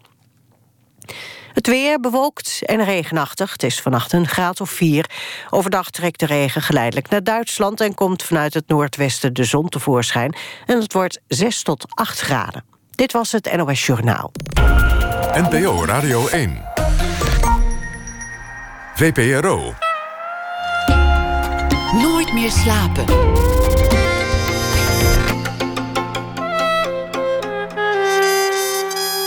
Met Pieter van der Wielen. 2016 was het 400ste sterfjaar van Shakespeare. En net op de valreep van het jaar komt er een bewerking van Venus en Adonis door schrijver Hafid Bouassa die het vertaald heeft. En we spreken met hem en ook met kunstenaar Marlène Dumas, die zich verantwoordelijk hield voor de illustraties. Milko Stevers komt op bezoek, want het circus Herman Rens staat weer in Haarlem na een woelige periode. Een faillissement en nu dus weer eruit gekropen. We beginnen dit uur met Gerard van Emmerik. Hij is schrijver en zal deze week elke nacht een verhaal voordragen bij de voorbije dag. Hij schreef onder meer de romans Ik ben je vriend, De Kippenjongen en De Nieuwe Krats. Gerard, goeienacht. Hallo Pieter. Vertel eens, wat, uh, wat zal er overblijven van deze dag in jouw geheugen? Nou, er was uh, in ieder geval weer een nieuw drama voor de PvdA. Dat was het uh, bericht dat de kandidatenlijst van de PvdA... dat dat een drama betekent voor de zittende Kamerleden.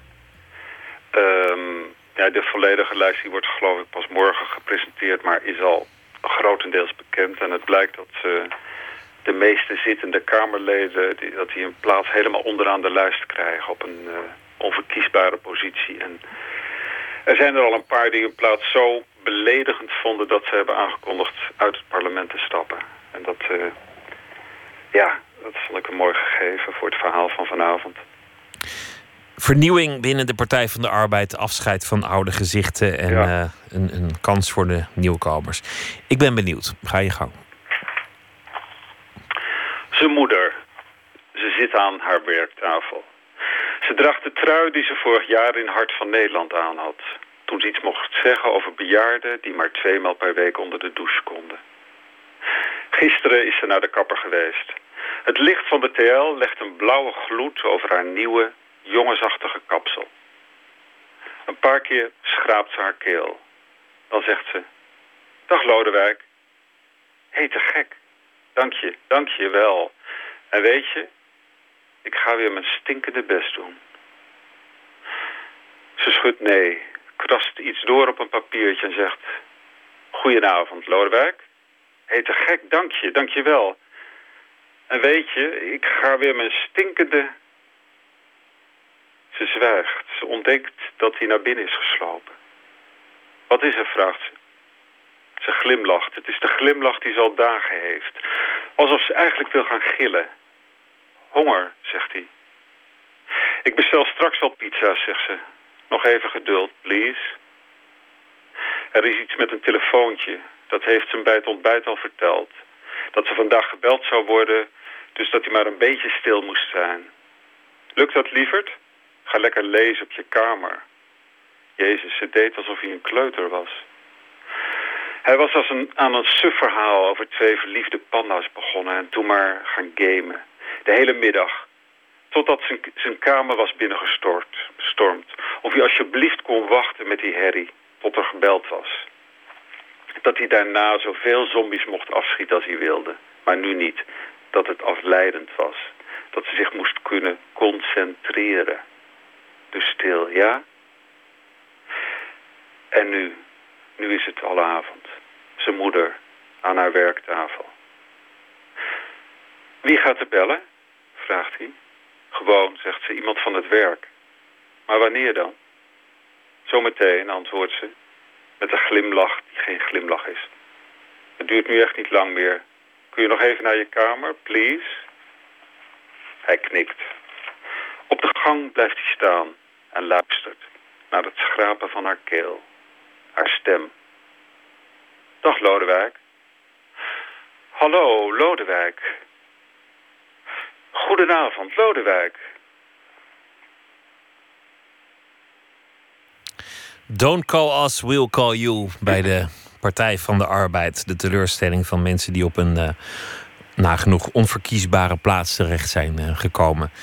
Lijkt, ja. me, lijkt me ook ontzettend, uh, ontzettend vervelend. Ja, het gaat over wel of niet gewaardeerd worden. Dat ze willen allemaal gewaardeerd worden natuurlijk. Erbij Tuurlijk. horen. Ja, Samsom noemde het de, de leukste hondenbaan die er is. Nou ja, Ja, ja.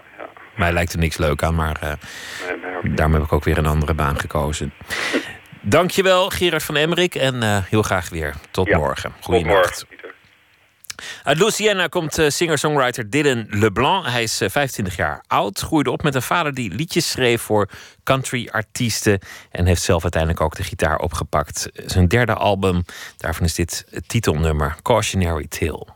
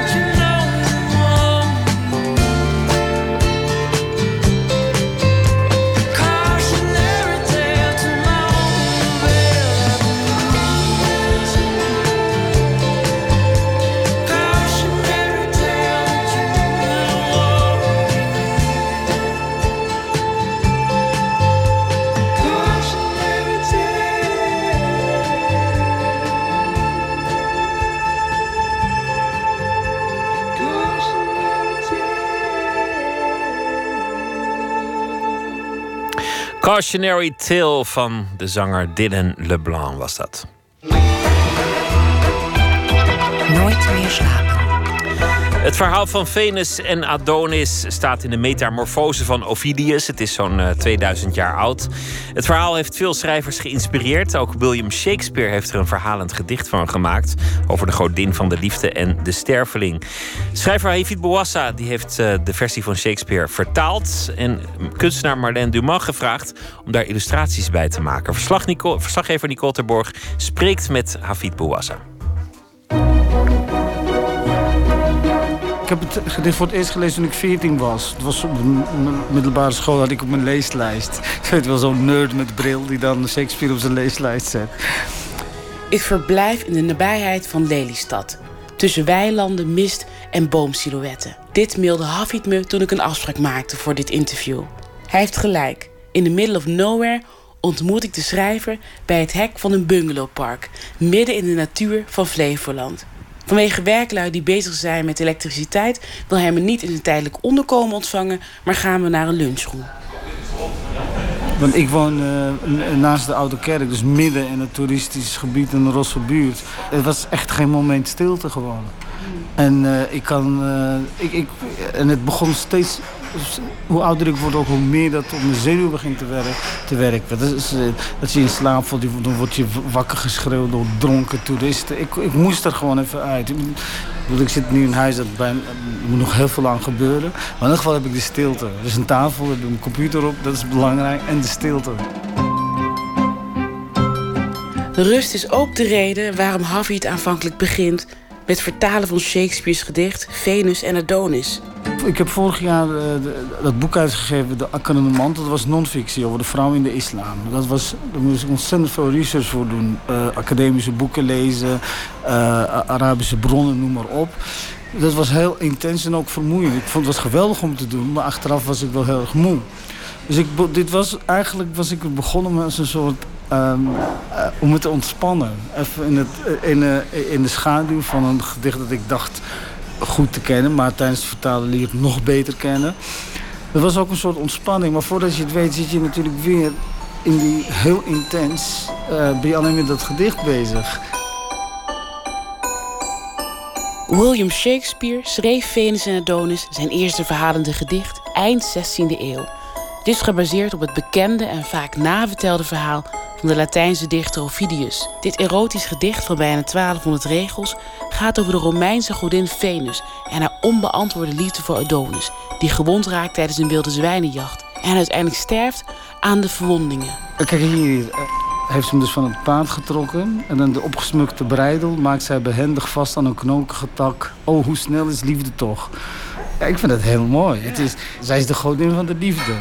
En de, de seksuele liefde. Dus als zij dan verliefd wordt op, eh, op Adonis, dan moet er ook direct een bevrediging plaatsvinden. Is dat... heb jij meer? Adonis of met... eh, Venus Venus? natuurlijk. Ja? Ja, Adonis Waarom? is... Ja, Adonis is gewoon een voorloper van, de, van zo'n jongeman die met die jongens op stap wil in plaats van achter de vrouwen aan. Daar heb, ik helemaal niks mee. Die zegt ook, mijn vrienden wachten op me, we moeten naar die jacht. Arme diertjes eh, doodmaken. Terwijl de godin van de liefde zich aan, eh, hem aanbiedt. Het heeft intrinsiek een bepaalde schoonheid die, men, die, op je afspringt. En eh, hoe, hoe ouder ik word, hoe beter ik het gedicht begrijp. Ik, het is een heel erotisch gedicht, maar tegelijkertijd is, vindt er geen enkele echte erotische handeling plaats. Misschien even een kus, want hij, Adonis, zij probeert hem te verleiden, hij weigert. De erotiek zit in, in, in het onvervulde verlangen. Zij spreekt uit wat ze met, wil dat hij doet en wat ze met hem wil doen. Maar dat gebeurt niet. Het is dus eigenlijk helemaal verbaal. En hoe kan het dat een jongen van 14, dat jij toen dacht van, dit is mooi, dit is prachtig. Het kan gewoon omdat het, omdat het gedicht gewoon heel mooi is. En het is een heel erotisch gedicht. Ik was een vreselijke puber. Ik weet dat ik eh, altijd heel somber was. Ik dacht dat ik nooit een vriendin zou krijgen. Ik was ontzettend verlegen. Echt ziekelijk verlegen. En eh, het, als, als ik mijn puberteit zou moeten omschrijven, dan is het een donkere schemering. En wat zo'n gedicht en andere boeken die ik las, dat, is- dat, die vormden de kleuren in mijn eh, geest en in mijn verbeelding. Oh ja, oh, jazeker. En het was ook, ik, ik schreef en zo, maar ik was het ook probeerde vorm onder de knie te krijgen. Het was dus ook het leren van een ambacht. Die periode, daar was ik heel bewust mee bezig. Sinds zijn puberteit is Hafid dus verliefd op het gedicht. Ruim 30 jaar later besluit hij Venus en Adonis te vertalen naar het Nederlands. Alleen heeft hij nog één wens om de vertaling compleet te maken. Illustraties in het boek van een van de belangrijkste en invloedrijkste schilders van dit moment. Ik zag dus die, ja, de naam Madeleine Dumas kwam meteen bij me op.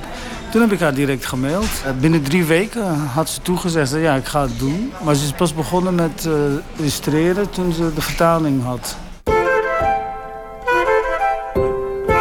Ik kreeg heel vaak mails van haar eh, rond 1 uur s'nacht, half 2. Dan was ze net klaar en dan mailden ze me een scan. Eigenlijk, ze, was, ze was heel bezeten. Dat vind ik altijd heel mooi om te zien. Ik, ik was dus... Jij toch ook? Ja, maar ik, ja, wat ik wil of niet heb, dat, dat, ja, dat moet je niet op je mouw gaan dragen... om Shakespeare te, te citeren. Maar ik vond het mooi om dat bij, bij anderen te zien... Met, in hun eigen discipline. Dat ik dat ook heb, ja, dat gaat niemand iets aan. Ik vind dat prettig, omdat het, het, is moet een soort obsessie worden voor mij. Maar zij had het dus ook. Dus het heeft echt heel keihard eh, gewerkt. Wat zo mooi was, toen zij de, het gedicht voor het eerst las... toen is ze meteen eh, allerlei schilderijen met het onderwerp gaan kijken. Dus dat heb ik heel vaak geschilderd. Maar ook uit die tijd, 17e eeuw. En toen schreven ze, dat vond ik echt heel mooi... Ze zei, ik merk dat, dat, dat die illustraties eh, niet ontroerend erotisch zijn. Je ziet helemaal geen genot op het gezicht van die vrouwen. Ik zei, nou, dan is dan een mooie taak voor je weggelegd. Ja, het, is, het ging eigenlijk heel soepel. Ik dacht, ik ga het niet letterlijk vertalen. Ik ga het een beetje navertellen. Dus, eh, je hebt het Engels ernaast en daarna... Ik ga, ik ga heel vrij zijn en ik ga me niet verantwoorden. Maar ik merkte dat dat bij de tweede, derde stanza... dat ik steeds meer tegen de oorspronkelijke tekst ging aanschudden. Ik dacht, wat is het nut om dat heel vrij te gaan doen? Hoe dicht je bij blijft bij de tekst, hoe ve- veel rijker het, het is.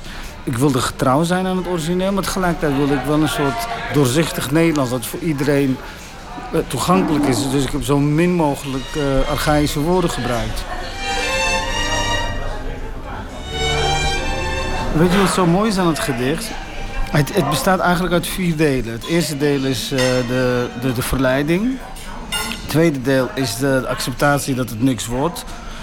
Het derde deel is het beschrijven van, eh, van die dieren. Wat trouwens Marlene Dumas, die was meteen helemaal weg van die beschrijving van de slak, van de haas, van de honden. Dat vond ze prachtig, van de uil. Het vierde deel, laatste deel, is een hele treurige vervloeking van de liefde. In het eeuwenoude gedicht van Shakespeare staat de liefde centraal. Maar in het leven van Hafid is er op dit moment geen grote liefde. Dat is volgens de schrijver en vertaler wel een voordeel als het gaat om zijn productiviteit. Want elk jaar levert hij een boek af. Wat ook wel helpt, is dat ik geen verhouding heb. Geen Nee? vrouw in mijn leven. Je bent single. Ja, maar Terwijl dat, het boek zo over de liefde gaat. hoe zeg je dat ook alweer? Been there, done that, got a t-shirt of zoiets? Wat soort tegenstelling dan? Nee, helemaal niet. Ik, ik, ik, ik kan, ik kan wel terugkijken op een rijk liefdesleven. Het is... Nee, maar ja, jij bent nog jong natuurlijk. Maar je zult wel merken als je ouder wordt dat... dat eh, je behoeften worden anders. En eh, ja, het verlangen naar stilte en rust. Ik ben al vijf jaar single, maar bewust gekozen. En hoe langer je alleen bent, hoe minder de kans is dat je ooit nog je leven met iemand anders gaat eh, delen. Want je wordt denk ik ook wat egocentrischer. En welke vrouw wil nou met de man die op een gegeven moment gaat zeggen... de lade is niet goed, weet je wel. Zo, dat je neurotisch wordt, dat alles zo moet gaan zoals je, als je alleen bent. En dat wil ik een vrouw niet aandoen. Nog is het leuk voor een vrouw om zo iemand, eh, om zo iemand te zijn. Kijk, dit is een tekening die ze heeft gemaakt. Toen alles klaar was, zei ze, mis jij nog iets? Ook, ik zeg, ik mis die tekening met het genot, seksuele genot op het gezicht van de vrouw. Toen heeft ze onder andere deze gemaakt. En dit is een van mijn favorieten ook eh, geworden. Ik vind het prachtig. Ja, we zien hier een vrouw, zeg maar medium, van eh middenrif tot aan eh, de vo- voorhoofd. We zien een tepel, we zien okselhaar. en we zien een vrouw die geniet. Ja, ja. En dat is, dat is dus waarin, dat, dat is dus waarin zij droomt dat hij dus eh, onder haar navel, eh, haar onder haar navel kust. Om het heel netjes te zeggen voor de late luisteraar. Plus ja, wat ik zei, ik was een ontzettend nerd. Ik had helemaal geen vriendin, ik ging niet uit. Ik zat maar thuis te lezen en te schrijven. Wanneer verdween die verlegenheid? Oh, toen ik in Amsterdam kwam wonen en de, de drugs en drank ontdekte. Ja, die hebben echt eh, maar van mijn verlegenheid... eh, dat ik zeg, die hebben mij van mijn uiterlijke verlegenheid verlost. Want in, in, die verlegenheid raak je natuurlijk nooit kwijt. Maar goed, als je dan nuchter bent, of was je nooit nuchter, dan komt die verlegenheid dan weer terug? Of niet? Oh, dat is vroeger wel, maar nu niet meer. Hoe ouder je wordt, hoe, meer, hoe minder... eh, je leert er beter mee omgaan.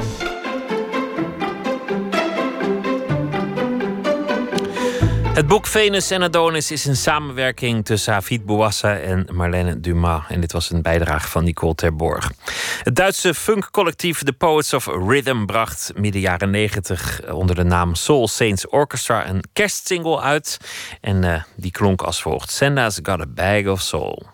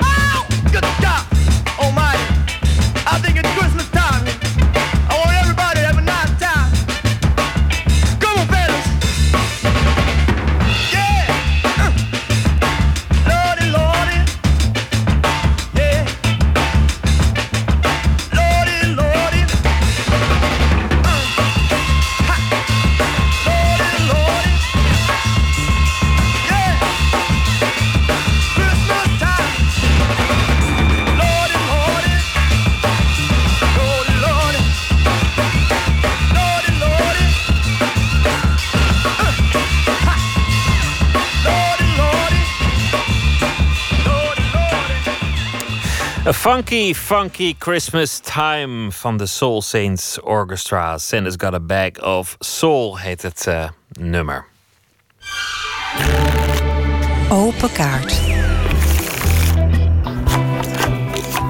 De rubriek heet Open Kaart en de gast trekt zelf kaarten uit een bak met 150 vragen over werk en leven. Milko Stijvers is eh, te gast al 40 jaar verbonden aan het circus. Circus Herman Rens. Zijn carrière begon al heel vroeg als clown. Na het overlijden van Herman en Diana Rens besloot hij destijds het circus voor te zetten met een clown als directeur. Alleen in 2015 liepen de zaken minder en het circus werd failliet verklaard. Gelukkig is er nu een doorstart en het circus staat weer in, eh, in Haarlem. Staat eh, het kerstcircus van Herman Rens en Milko Stijvers die is hier eh, te gast. Hartelijk welkom. Dank u wel. Goedemorgen. Een spannend moment, want eh, vrijdag beginnen jullie. Dus jullie, de tent staat, Ja, ja, alles staat, maar jullie zijn waarschijnlijk hartstikke druk. We zijn, eh, ja, ik, ik, ik kom nu net, eh, net van de repetities af. We zijn een heel programma in elkaar aan het zetten. Er zijn eh 35 artiesten over de hele wereld vandaan gekomen. En vandaag zijn, zijn de repetities begonnen. Dat houdt in orkest. de de orke- muziek wordt bij elkaar gezocht. Het licht wordt bij elkaar gezocht. De spullen, de jongens die moeten weten waar alle spullen komen te staan. En vandaag hebben we de eerste doorloop gehad. En het, eh, het ziet er allemaal goed uit. Een mooi moment na al het slechte nieuws van de afgelopen jaren. Ja, ja, ja zeker. Want eh, een, een jaar geleden dacht ik eigenlijk... eh, Dit ik- was het. dit was het. De naam Herman Rens komt nooit meer terug in Nederland. En tot, er, ja, tot eigenlijk de familie Duursma opstond. En dat, ja, dat is eigenlijk best een heel mooi verhaal. ik had in augustus had ik de, de, de vrouw en de dochters van de René Duursma bij mij in de tent. En eh, een praatje meegemaakt. Ik heb ze een rondleiding gegeven. En dat is, dat, is, dat is die dochters altijd bijgebleven. En toen het, het, het slecht ging met het circus, toen, eh, toen het eigenlijk failliet ging... toen zei eh, een van die dochters die zei tegen de vader... papa, ik wil, ik wil dat jij Milko gaat helpen. En ze hebben een evenementenbedrijf. Ja, ja. Ze, zijn, ze zijn gespecialiseerd in winterwonderlanden. Dat houdt in ijsbanen met, met alles erop en eraan. De kerstdecoraties. De, eh, de, de kermis op de Dam is een project van de Duursma Groep. Ja, het is een hele grote naam op evenementengebied. En hij wou zijn eigen graag... eh, ja, eh, een keer in het circus, eh, een keer met circus gaan bemoeien. Want hij zei ook, de naam Herman Rens is een begrip in Nederland. En dat het op deze manier om zeep geholpen is, dat verdient de naam Herman Rens niet. Je bent gewoon weer terug op je oude post als, als clown. Ja. Niet meer de circusdirecteur, maar gewoon Ja. doen wat je altijd toch het, het leukste vond. Heerlijk. Ik, ik moet eerlijk zeggen, die rol die ik nu heb, dat hoort bij mij. Ik ben, ik ben een geboren clown. Ik ben, een, eh, ik ben geen circusdirecteur. Maar ja, toen het noodlot toesloeg, toen, toen hadden we geen andere keus. M- Mijn, mijn vrouw is, de, is eh, de vrouw van Diana, of de zuster van Diana. Herman ben ik mee opgegroeid. En wij, wij hebben die droom van Herman hebben wij opgebouwd. En hij mocht er helaas maar vijf jaar van genieten. Maar dan, dan konden we twee dingen doen. Of de moeder het hele circus laten verkopen. Of we konden ermee doorgaan. Nou, ik moet eerlijk zeggen, ik heb het niet alleen gedaan. Want mijn mijn vader en moeder, mijn zwager, mijn zuster... ik en mijn vrouw, die hebben dat, die hebben dat op poten gezet. En we hebben, ja, we moesten, we moesten in zes weken tijd... moesten we 800.000 gulden bij elkaar brengen. Nou, toen, eh, toen kwam Aad Ouborg op de proppen, de, de prins, oud-prinsesdirecteur. En die heeft ons geholpen, die heeft bankgarant gestaan. En zodoende waren we van de een of andere dag... van artiest, van clown, waren we circusdirecteur. En dat, dat is 24 jaar is dat redelijk goed gegaan. Eigenlijk, ja, 23 jaar, de laatste twee jaar... was het gewoon eh, berg, ging het bergafwaarts. En ja, de, het heeft allerlei oorzaken. Maar op een gegeven moment stonden wij er nog met z'n tweeën voor. Mijn, mijn, eh, mijn vader was de eerste die eruit stapte. Mijn zuster is eruit gestapt. Mijn zwager is eruit gestapt. En twee jaar geleden mijn moeder. Dus wij, wij hebben eigenlijk de laatste twee jaar... hebben mijn vrouw en ik het gedaan. Nou, ik heb alleen maar lagere school gehad. Mijn vrouw die, eh, die, eh, die, die, die was wat beter. Maar eh, met financiën hadden wij ons nooit bemoeid. We hadden allemaal onze eigen taken. Altijd in het circus gewerkt. Altijd in het circus. Dus Nooit we iets anders gedaan, we- nee. nee, we moesten daar mensen voor aannemen. En ja, de crisis begon. En ja, in, in theater, circus, kermis... werd het bezoekersaantal minder. En een circus met 65 man personeel, ja, dat hakt er echt in. Dan was er ook nog het, eh, het verbod op circusdieren. andere veranderingen natuurlijk. Ja, en ja. heel veel concurrentie van allerlei soorten evenementen. Ja, precies. En eh, ik heb altijd gedacht... eh, als de dieren verboden worden in circus... olifanten, roofdieren, zeeleeuwen... Dan, blijven de mensen wel komen. Maar dat, dat, dat heb ik fout gezien. De mensen die, die, die komen een circusterrein op... en het eerste wat ze gaan doen... is naar de achterkant kijken... wat voor dieren staan er. Er staan paarden, er staan hondjes nu op dit moment. Er staan, eh, er staan vier, vier kamelen. Maar de mensen zien niet dat je een, dat je een, een, ploeg met, eh, met, met acrobaten uit Brazilië hebt laten komen. We hebben vijf Brazilianen die zijn overgevlogen. Die doen een, die doen een ja, ijzingwekkende stunts op een motor. Dat is ongelooflijk. Maar de mensen die zien die dieren niet en dan zeggen ze... oh, dat kan niks zijn, want er staan alleen maar paarden. Je zei, ik ben een geboren clown. Ja. Weet je nog hoe dat ging? Want, want, jij, jij werd letterlijk geboren in het, in het circus. Ja, dat ja, zat in de ja. familie. We- Weet je nog wat het moment was dat je, dat je voor het eerst ontdekte dat je, dat je een clown was? Ik, eh, ik, kan ik, ik kan het nog heel goed herinneren. De, de broer van de vader van, van Herman, Paul van der Vecht, die was de, de clown daar. En op een gegeven moment eh, zei hij tegen mij: Milko, wil jij met me meedoen? Want hij is- je bent klein en eh, het is best wel leuk. En zei: Ik heb al een paar leuke ideeën. Want 1,37 meter, geloof Ja, ik. ja 1,32. 32 zelfs. Ja. Ja. Dus, dus, eh, ik, eh, dus hij zegt tegen mij: we gaan, het, we gaan het heel makkelijk houden. Ik zeg oké, ik zeg, want ik, ik was toen al alles. Ik, want ik, ik, ik- er, zat, er zat toen, ik, ik geloof 200 man publiek. En hij zegt, het enige wat je hoeft te doen... je rent keihard die piste in. Je rent een rondje en je schreeuwt alleen maar... het is waar, het is waar, het is waar. Dus, dus, eh, dus zo gezegd, zo gedaan. Ik, eh, ik de piste in en ik, ik, ik schreeuwde... Het is waar, het is waar, het is waar. Meneer de spreekstelmeester, het is waar. En de spreekstelmeester die vroeg dan op zijn beurt... Maar Milko, maar Milko, wat is dan waar? En dan riep ik keihard... Op mijn vaders kale knetter groeit geen haar. En toen rende ik naar buiten. En dat was mijn eerste, dat was mijn eerste clowneske optreden. En de hele tent werd afgebroken. Eh, ja, toen met, met dat soort woordenspelletjes eh, braken ze de hele tent af. En ja, toen die tijd, toen hoefde ik mij eigenlijk alleen maar te laten vallen en de mensen lagen al dubbel. Maar eh, de humor is, ja, het is, het is helemaal met de tijd meegegaan. De smink is veranderd, de hele. Ja, alles is veranderd. En eh, we doen nu, ik doe nu meer met mimiek. Ik heb een collega waar ik, eh, waar ik heel blij mee ben. eh, waar ik eigenlijk die ik als aangever heb. Daar doen we hele leuke dingen mee. We doen mimiek, we doen slapstick, we doen, we, we doen echt alles. We doen, we doen vijf verschillende dingen. Dat, dat houdt in van poëzie tot aan gooien en smijten met spaghetti. Tot aan, eh, tot aan een, liefdes, eh, een liefdesromance met een vrouw uit het publiek. Dus eh, ja, de clownerie. Ik hou er nog steeds van. En ik, ik kan er ook uren over praten. De clownerie, dat, ik vind ook... Ze zeggen wel eens... eh, ja, ben jij clown geworden? Nee, ik ben geen clown geworden. Je was het altijd al. Ja, een clown, eh, ik vind een clown kan je niet worden. Een clown kan je niet leren. Een clown kan je niet zijn. Een clown, je wordt als clown geboren. En ik, ik heb ook echt niks met clownscholen en ik heb ook niks met opleidingen van clowns. Ik vind de ervaring, die leer je in het circus. En ja, je, krijgt het, je krijgt met de paplepel ingegoten. Kijk, de clowns van vroeger, ik, ik noem maar Toon Hermans. De clowns bij uitstek. Dat is echt de clown nummer één van Holland. Mini en Maxi. Fantastisch. Echt, ik moet... eh, Laurel en Hardy, Charlie Chaplin, Buster Keaton. Dat zijn echte circusclowns. En ja, nu heden ten dagen... Het, eh, het, het, het clownsvak is een klein beetje aan het uitsterven, vind ik. Dat is heel jammer. Terwijl het zo moeilijk te voorspellen is of, of een act gaat werken. Dus het is een hele kunst om, om het kloppend te krijgen. Het is heel absurd. Maar, maar je weet wanneer het werkt en je weet ook wanneer, het, wanneer dat niet aan de hand is. Ik zal u nu ik, ik zal u een geheim vertellen. Ik ben nu in Haarlem ben ik bezig. En het is de eerste keer dat ik vijf compleet nieuwe dingen ga doen. Niet gerepeteerd. Niet, eh, tenminste wel doorgenomen met mijn partner, met Misha. Misha is een jonge clown en die heeft tegen mij gezegd... Milko, ik wil met je werken, maar we gaan allemaal nieuwe dingen doen. Oh, dat is wel spannend. Ik zeg, is goed. Ja, dat is heel spannend.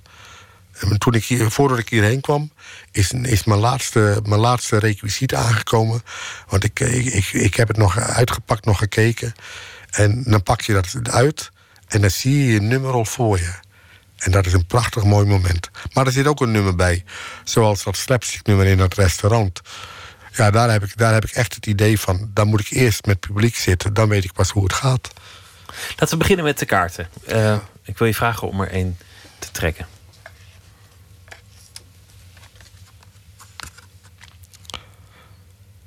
Wat is er falikant mislukt?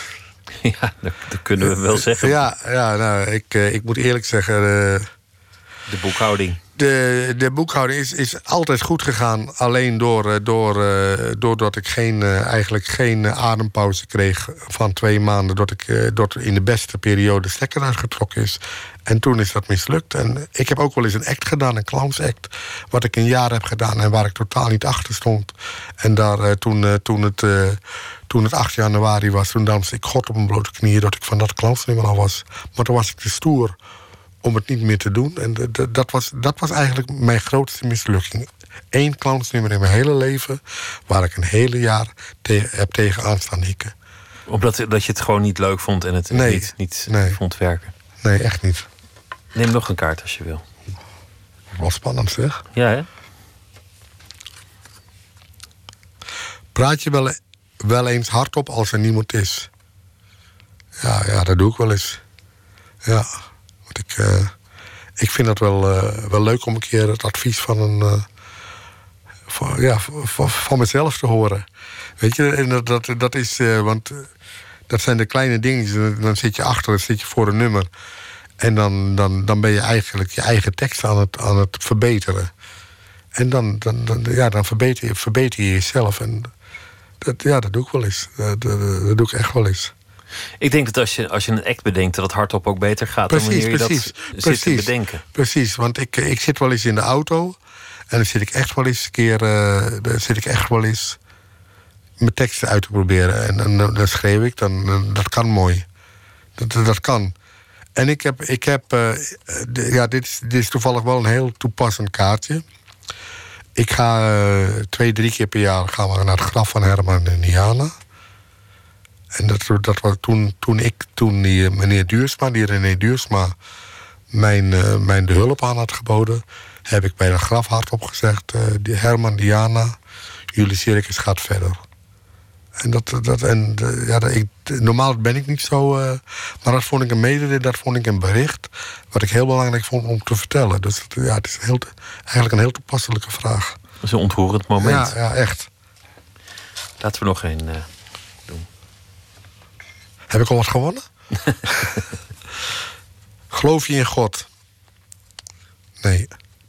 Nee, ik, ik, ik, ik, ik geloof nergens in. Ik, eh, er is zoveel ellende op de wereld dat ik, dat, ik, dat ik eigenlijk nergens meer in kan geloven. Ik, eh, eh, het geloof is, eh, is op dit moment een van de grootste boosdoeners in alle ellende die we hebben.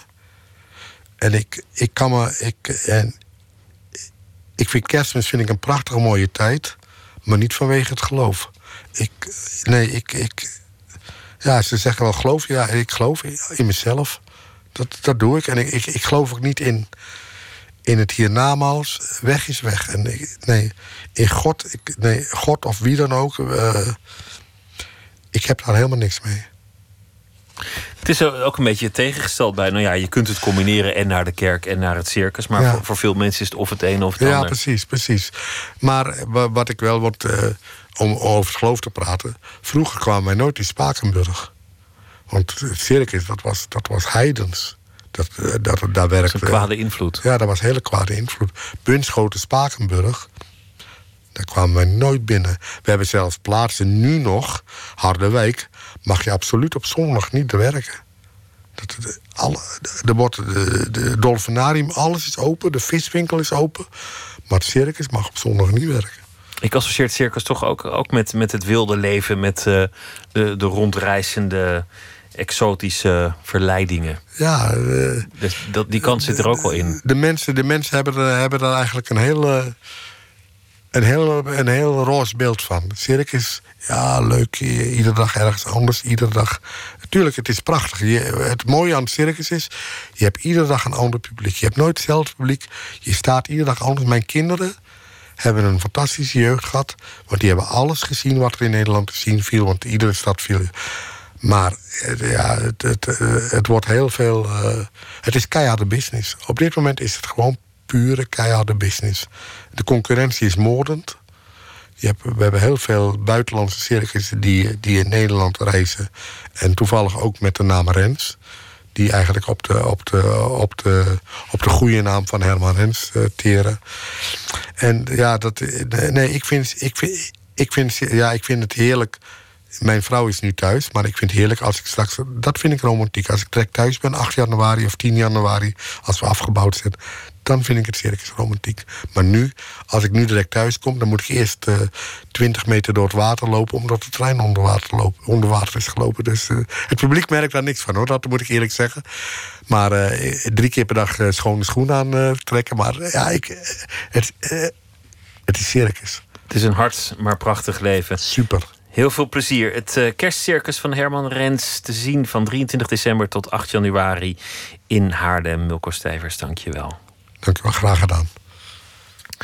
Toch veel artiesten van wie je het niet zou verwachten... die zich hebben gewaagd aan een kerstnummer. Zo ook Pearl Jam. En eh, dit is Let Me Sleep, It's Christmas Time.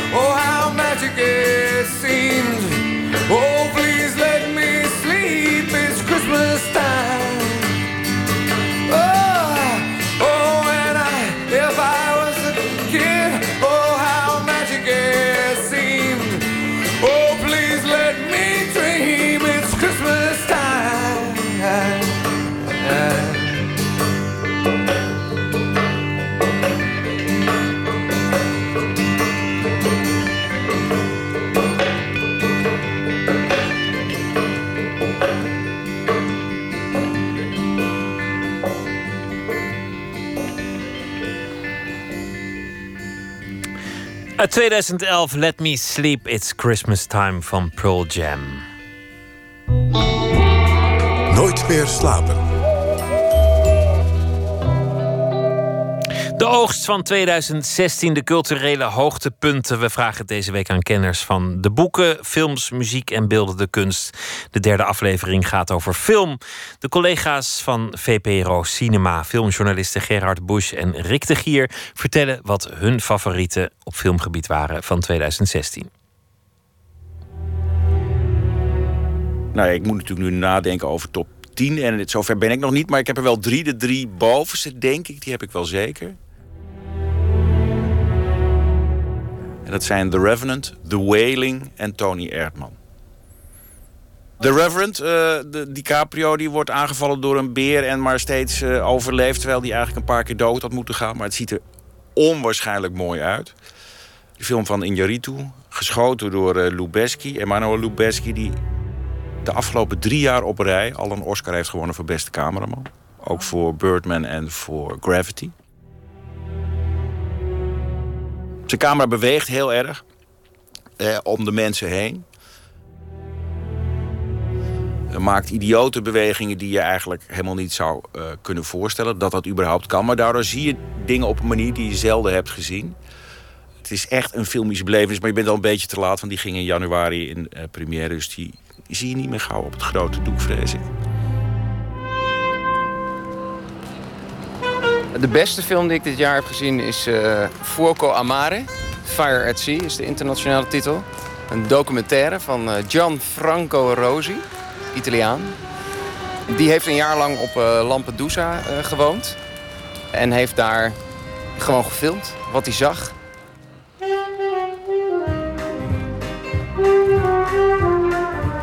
De dorpelingen, de, de vissers die daar wonen. Het is, een, het is een hele ouderwetse vissersgemeenschap. Maar het is natuurlijk ook een plek waar al heel lang eh, allemaal vluchtelingen aanspoelen. Tegenwoordig is dat niet meer op het eiland zelf, maar een eindje van de kust. Dus wat je eigenlijk hebt is een heel raar dubbel portret van enerzijds een hele gemoedelijke gemeenschap en anderzijds het leed van die vluchtelingen. Het belangrijkste is denk ik dat hij dus echt dat jaar ervoor heeft uitgetrokken en eh, vriendschappen heeft gesloten met mensen daar op het eiland. En vervolgens daarna pas die mensen is gaan filmen. En je merkt dat het, hij is echt de fly on the wall. Ze, zien hem echt bijna niet meer, lijkt het wel. Er is vooral een, een van een jaar of tien. Dat is eigenlijk zijn hoofdpersoon. Die loopt met een kattenpult over dat eiland heen. Eh, alsof het eh, 1950 is. Ja, die is zo leuk en grappig. En dat in zo'n film over zoveel ellende. En dan toch ook kunnen lachen en ontroerd zijn. En dat allemaal samen, dat brengt zoveel emotie los. Ik vond dus eigenlijk bijna alleen al artistiek is dat voor mij de film van het jaar. En dan is het een hele dikke bonus dat het ook nog zo'n actuele film is... die je laat nadenken over die vluchtelingenproblematiek.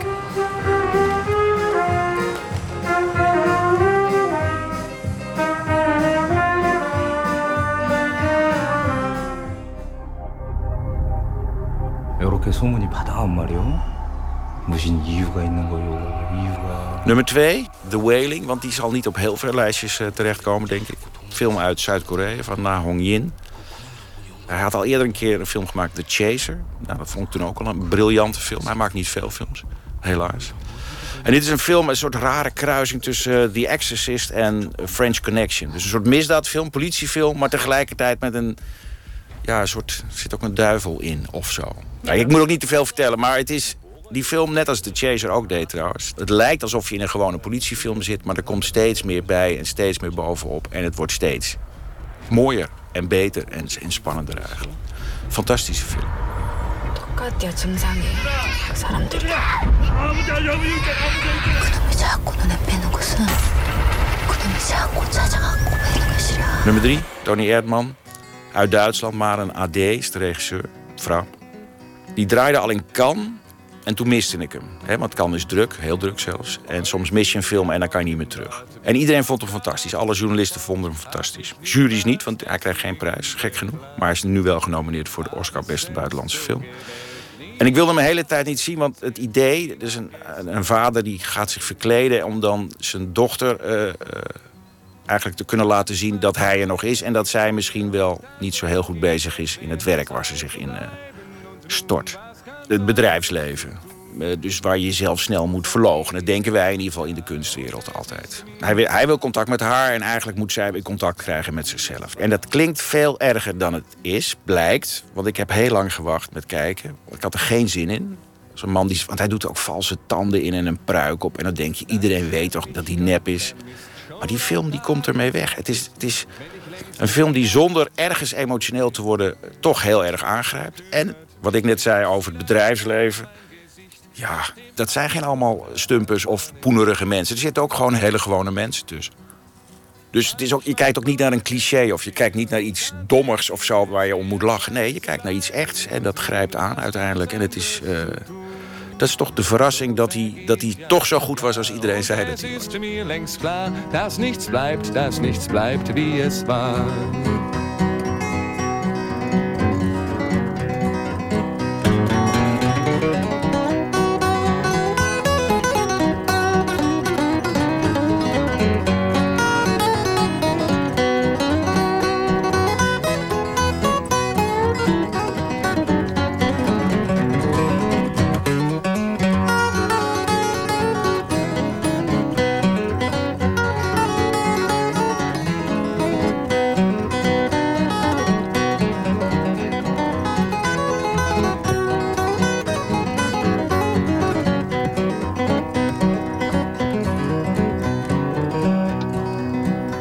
Fragt mich einer, warum ich so bin, bleib ich stumm, denn die Antwort darauf fällt mir schwer.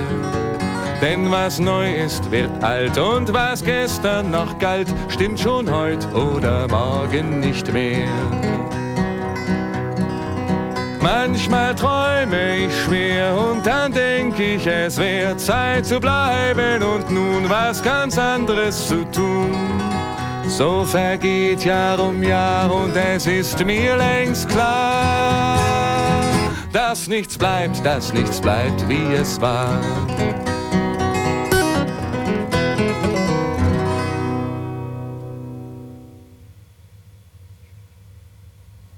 Duitse muziek vanwege de film eh, Tony Erdman. Een van de grote hits van 2016. Gerard Busch en Rick de Gier waren dat van VPRO Cinema. Over hun eh, favoriete films van 2016. In een bijdrage van Remy van der Brand. Angel Olsen is hier met Heart Shaped Face.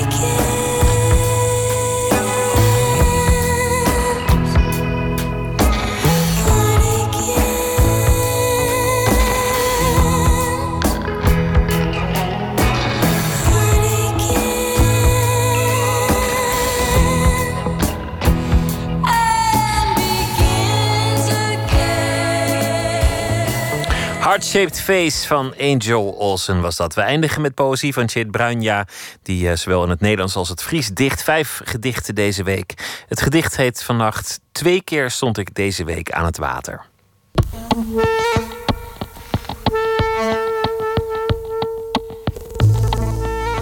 Twee keer stond ik deze week aan het water. Twee keer stond ik deze week aan het water. Eén keer om te bidden met onbekenden en één keer om te kijken. We baden met onze ogen dicht en hoorden het laatste amen aan dat uit geen van onze monden viel. Ik werd er niet gelovig van. We keken en ik moest iets vertellen. Zodra ik wees naar een stuk papier, begon het te vliegen. Ik liet alle papieren zachtjes neerkomen op de golven. Wie niet wilde vliegen, zat in het zand en keek. Wie niet wilde bidden, ging naar huis en werd in zijn dromen alsnog gedwongen te spreken. Dit gedicht komt uit mijn vierde Nederlandse bundel en die heet Overwoekerd. Een bundel met een afdeling die eh, ja, eh, religieus is, of over religie gaat, of over mijn idee van religie. En ik ben zelf eh, niet gelovig, maar soms heb je een droom. En ik had een droom waarin ik met allerlei mensen aan een meer stond te bidden of te kijken naar hoe mensen aan het bidden waren. En er moest amen worden gezegd. En toen eh, zei niemand amen, maar er kwam wel van boven een heel groot amen. Alsof het een hele slechte bijbelverfilming uit de jaren eh, 60 die opnieuw ingekleurd is. En toch raakte mij dat. Eh, dus ook heidenen en ongelovigen hebben ergens nog zo'n soort verlangen naar die, naar die grote, lieve en boze vader. Twee keer stond ik deze week aan het water. Twee keer stond ik deze week aan het water. Eén keer om te bidden met onbekenden en één keer om te kijken. We baden met onze ogen dicht en hoorden het laatste amen aan dat uit geen van onze monden viel. Ik werd er niet gelovig van. We keken en ik moest iets vertellen. Zodra ik wees naar een stuk papier begon het te vliegen. Ik liet alle papieren zachtjes neerkomen op de golven. Wie niet wilde vliegen, zat in het zand en keek. Wie niet wilde bidden, ging naar huis. En werd in zijn dromen alsnog gedwongen te spreken. Het gedicht van Tjeet Bruin, ja, twee keer stond ik deze week aan het water. Morgen zal hij weer een gedicht voordragen. Morgen is in Nooit meer slapen Salaheddin Benchiki op bezoek. Hij heeft een boek geschreven, Saladin.nl, waarin het gaat over zijn jeugd als tweede generatie allochtoon. En een eh, zekere relativering aanbrengt in eh, alles wat te maken heeft met de Nederlands-Marokkaanse samenleving. Dat allemaal morgen en eh, voor nu een hele goede nacht.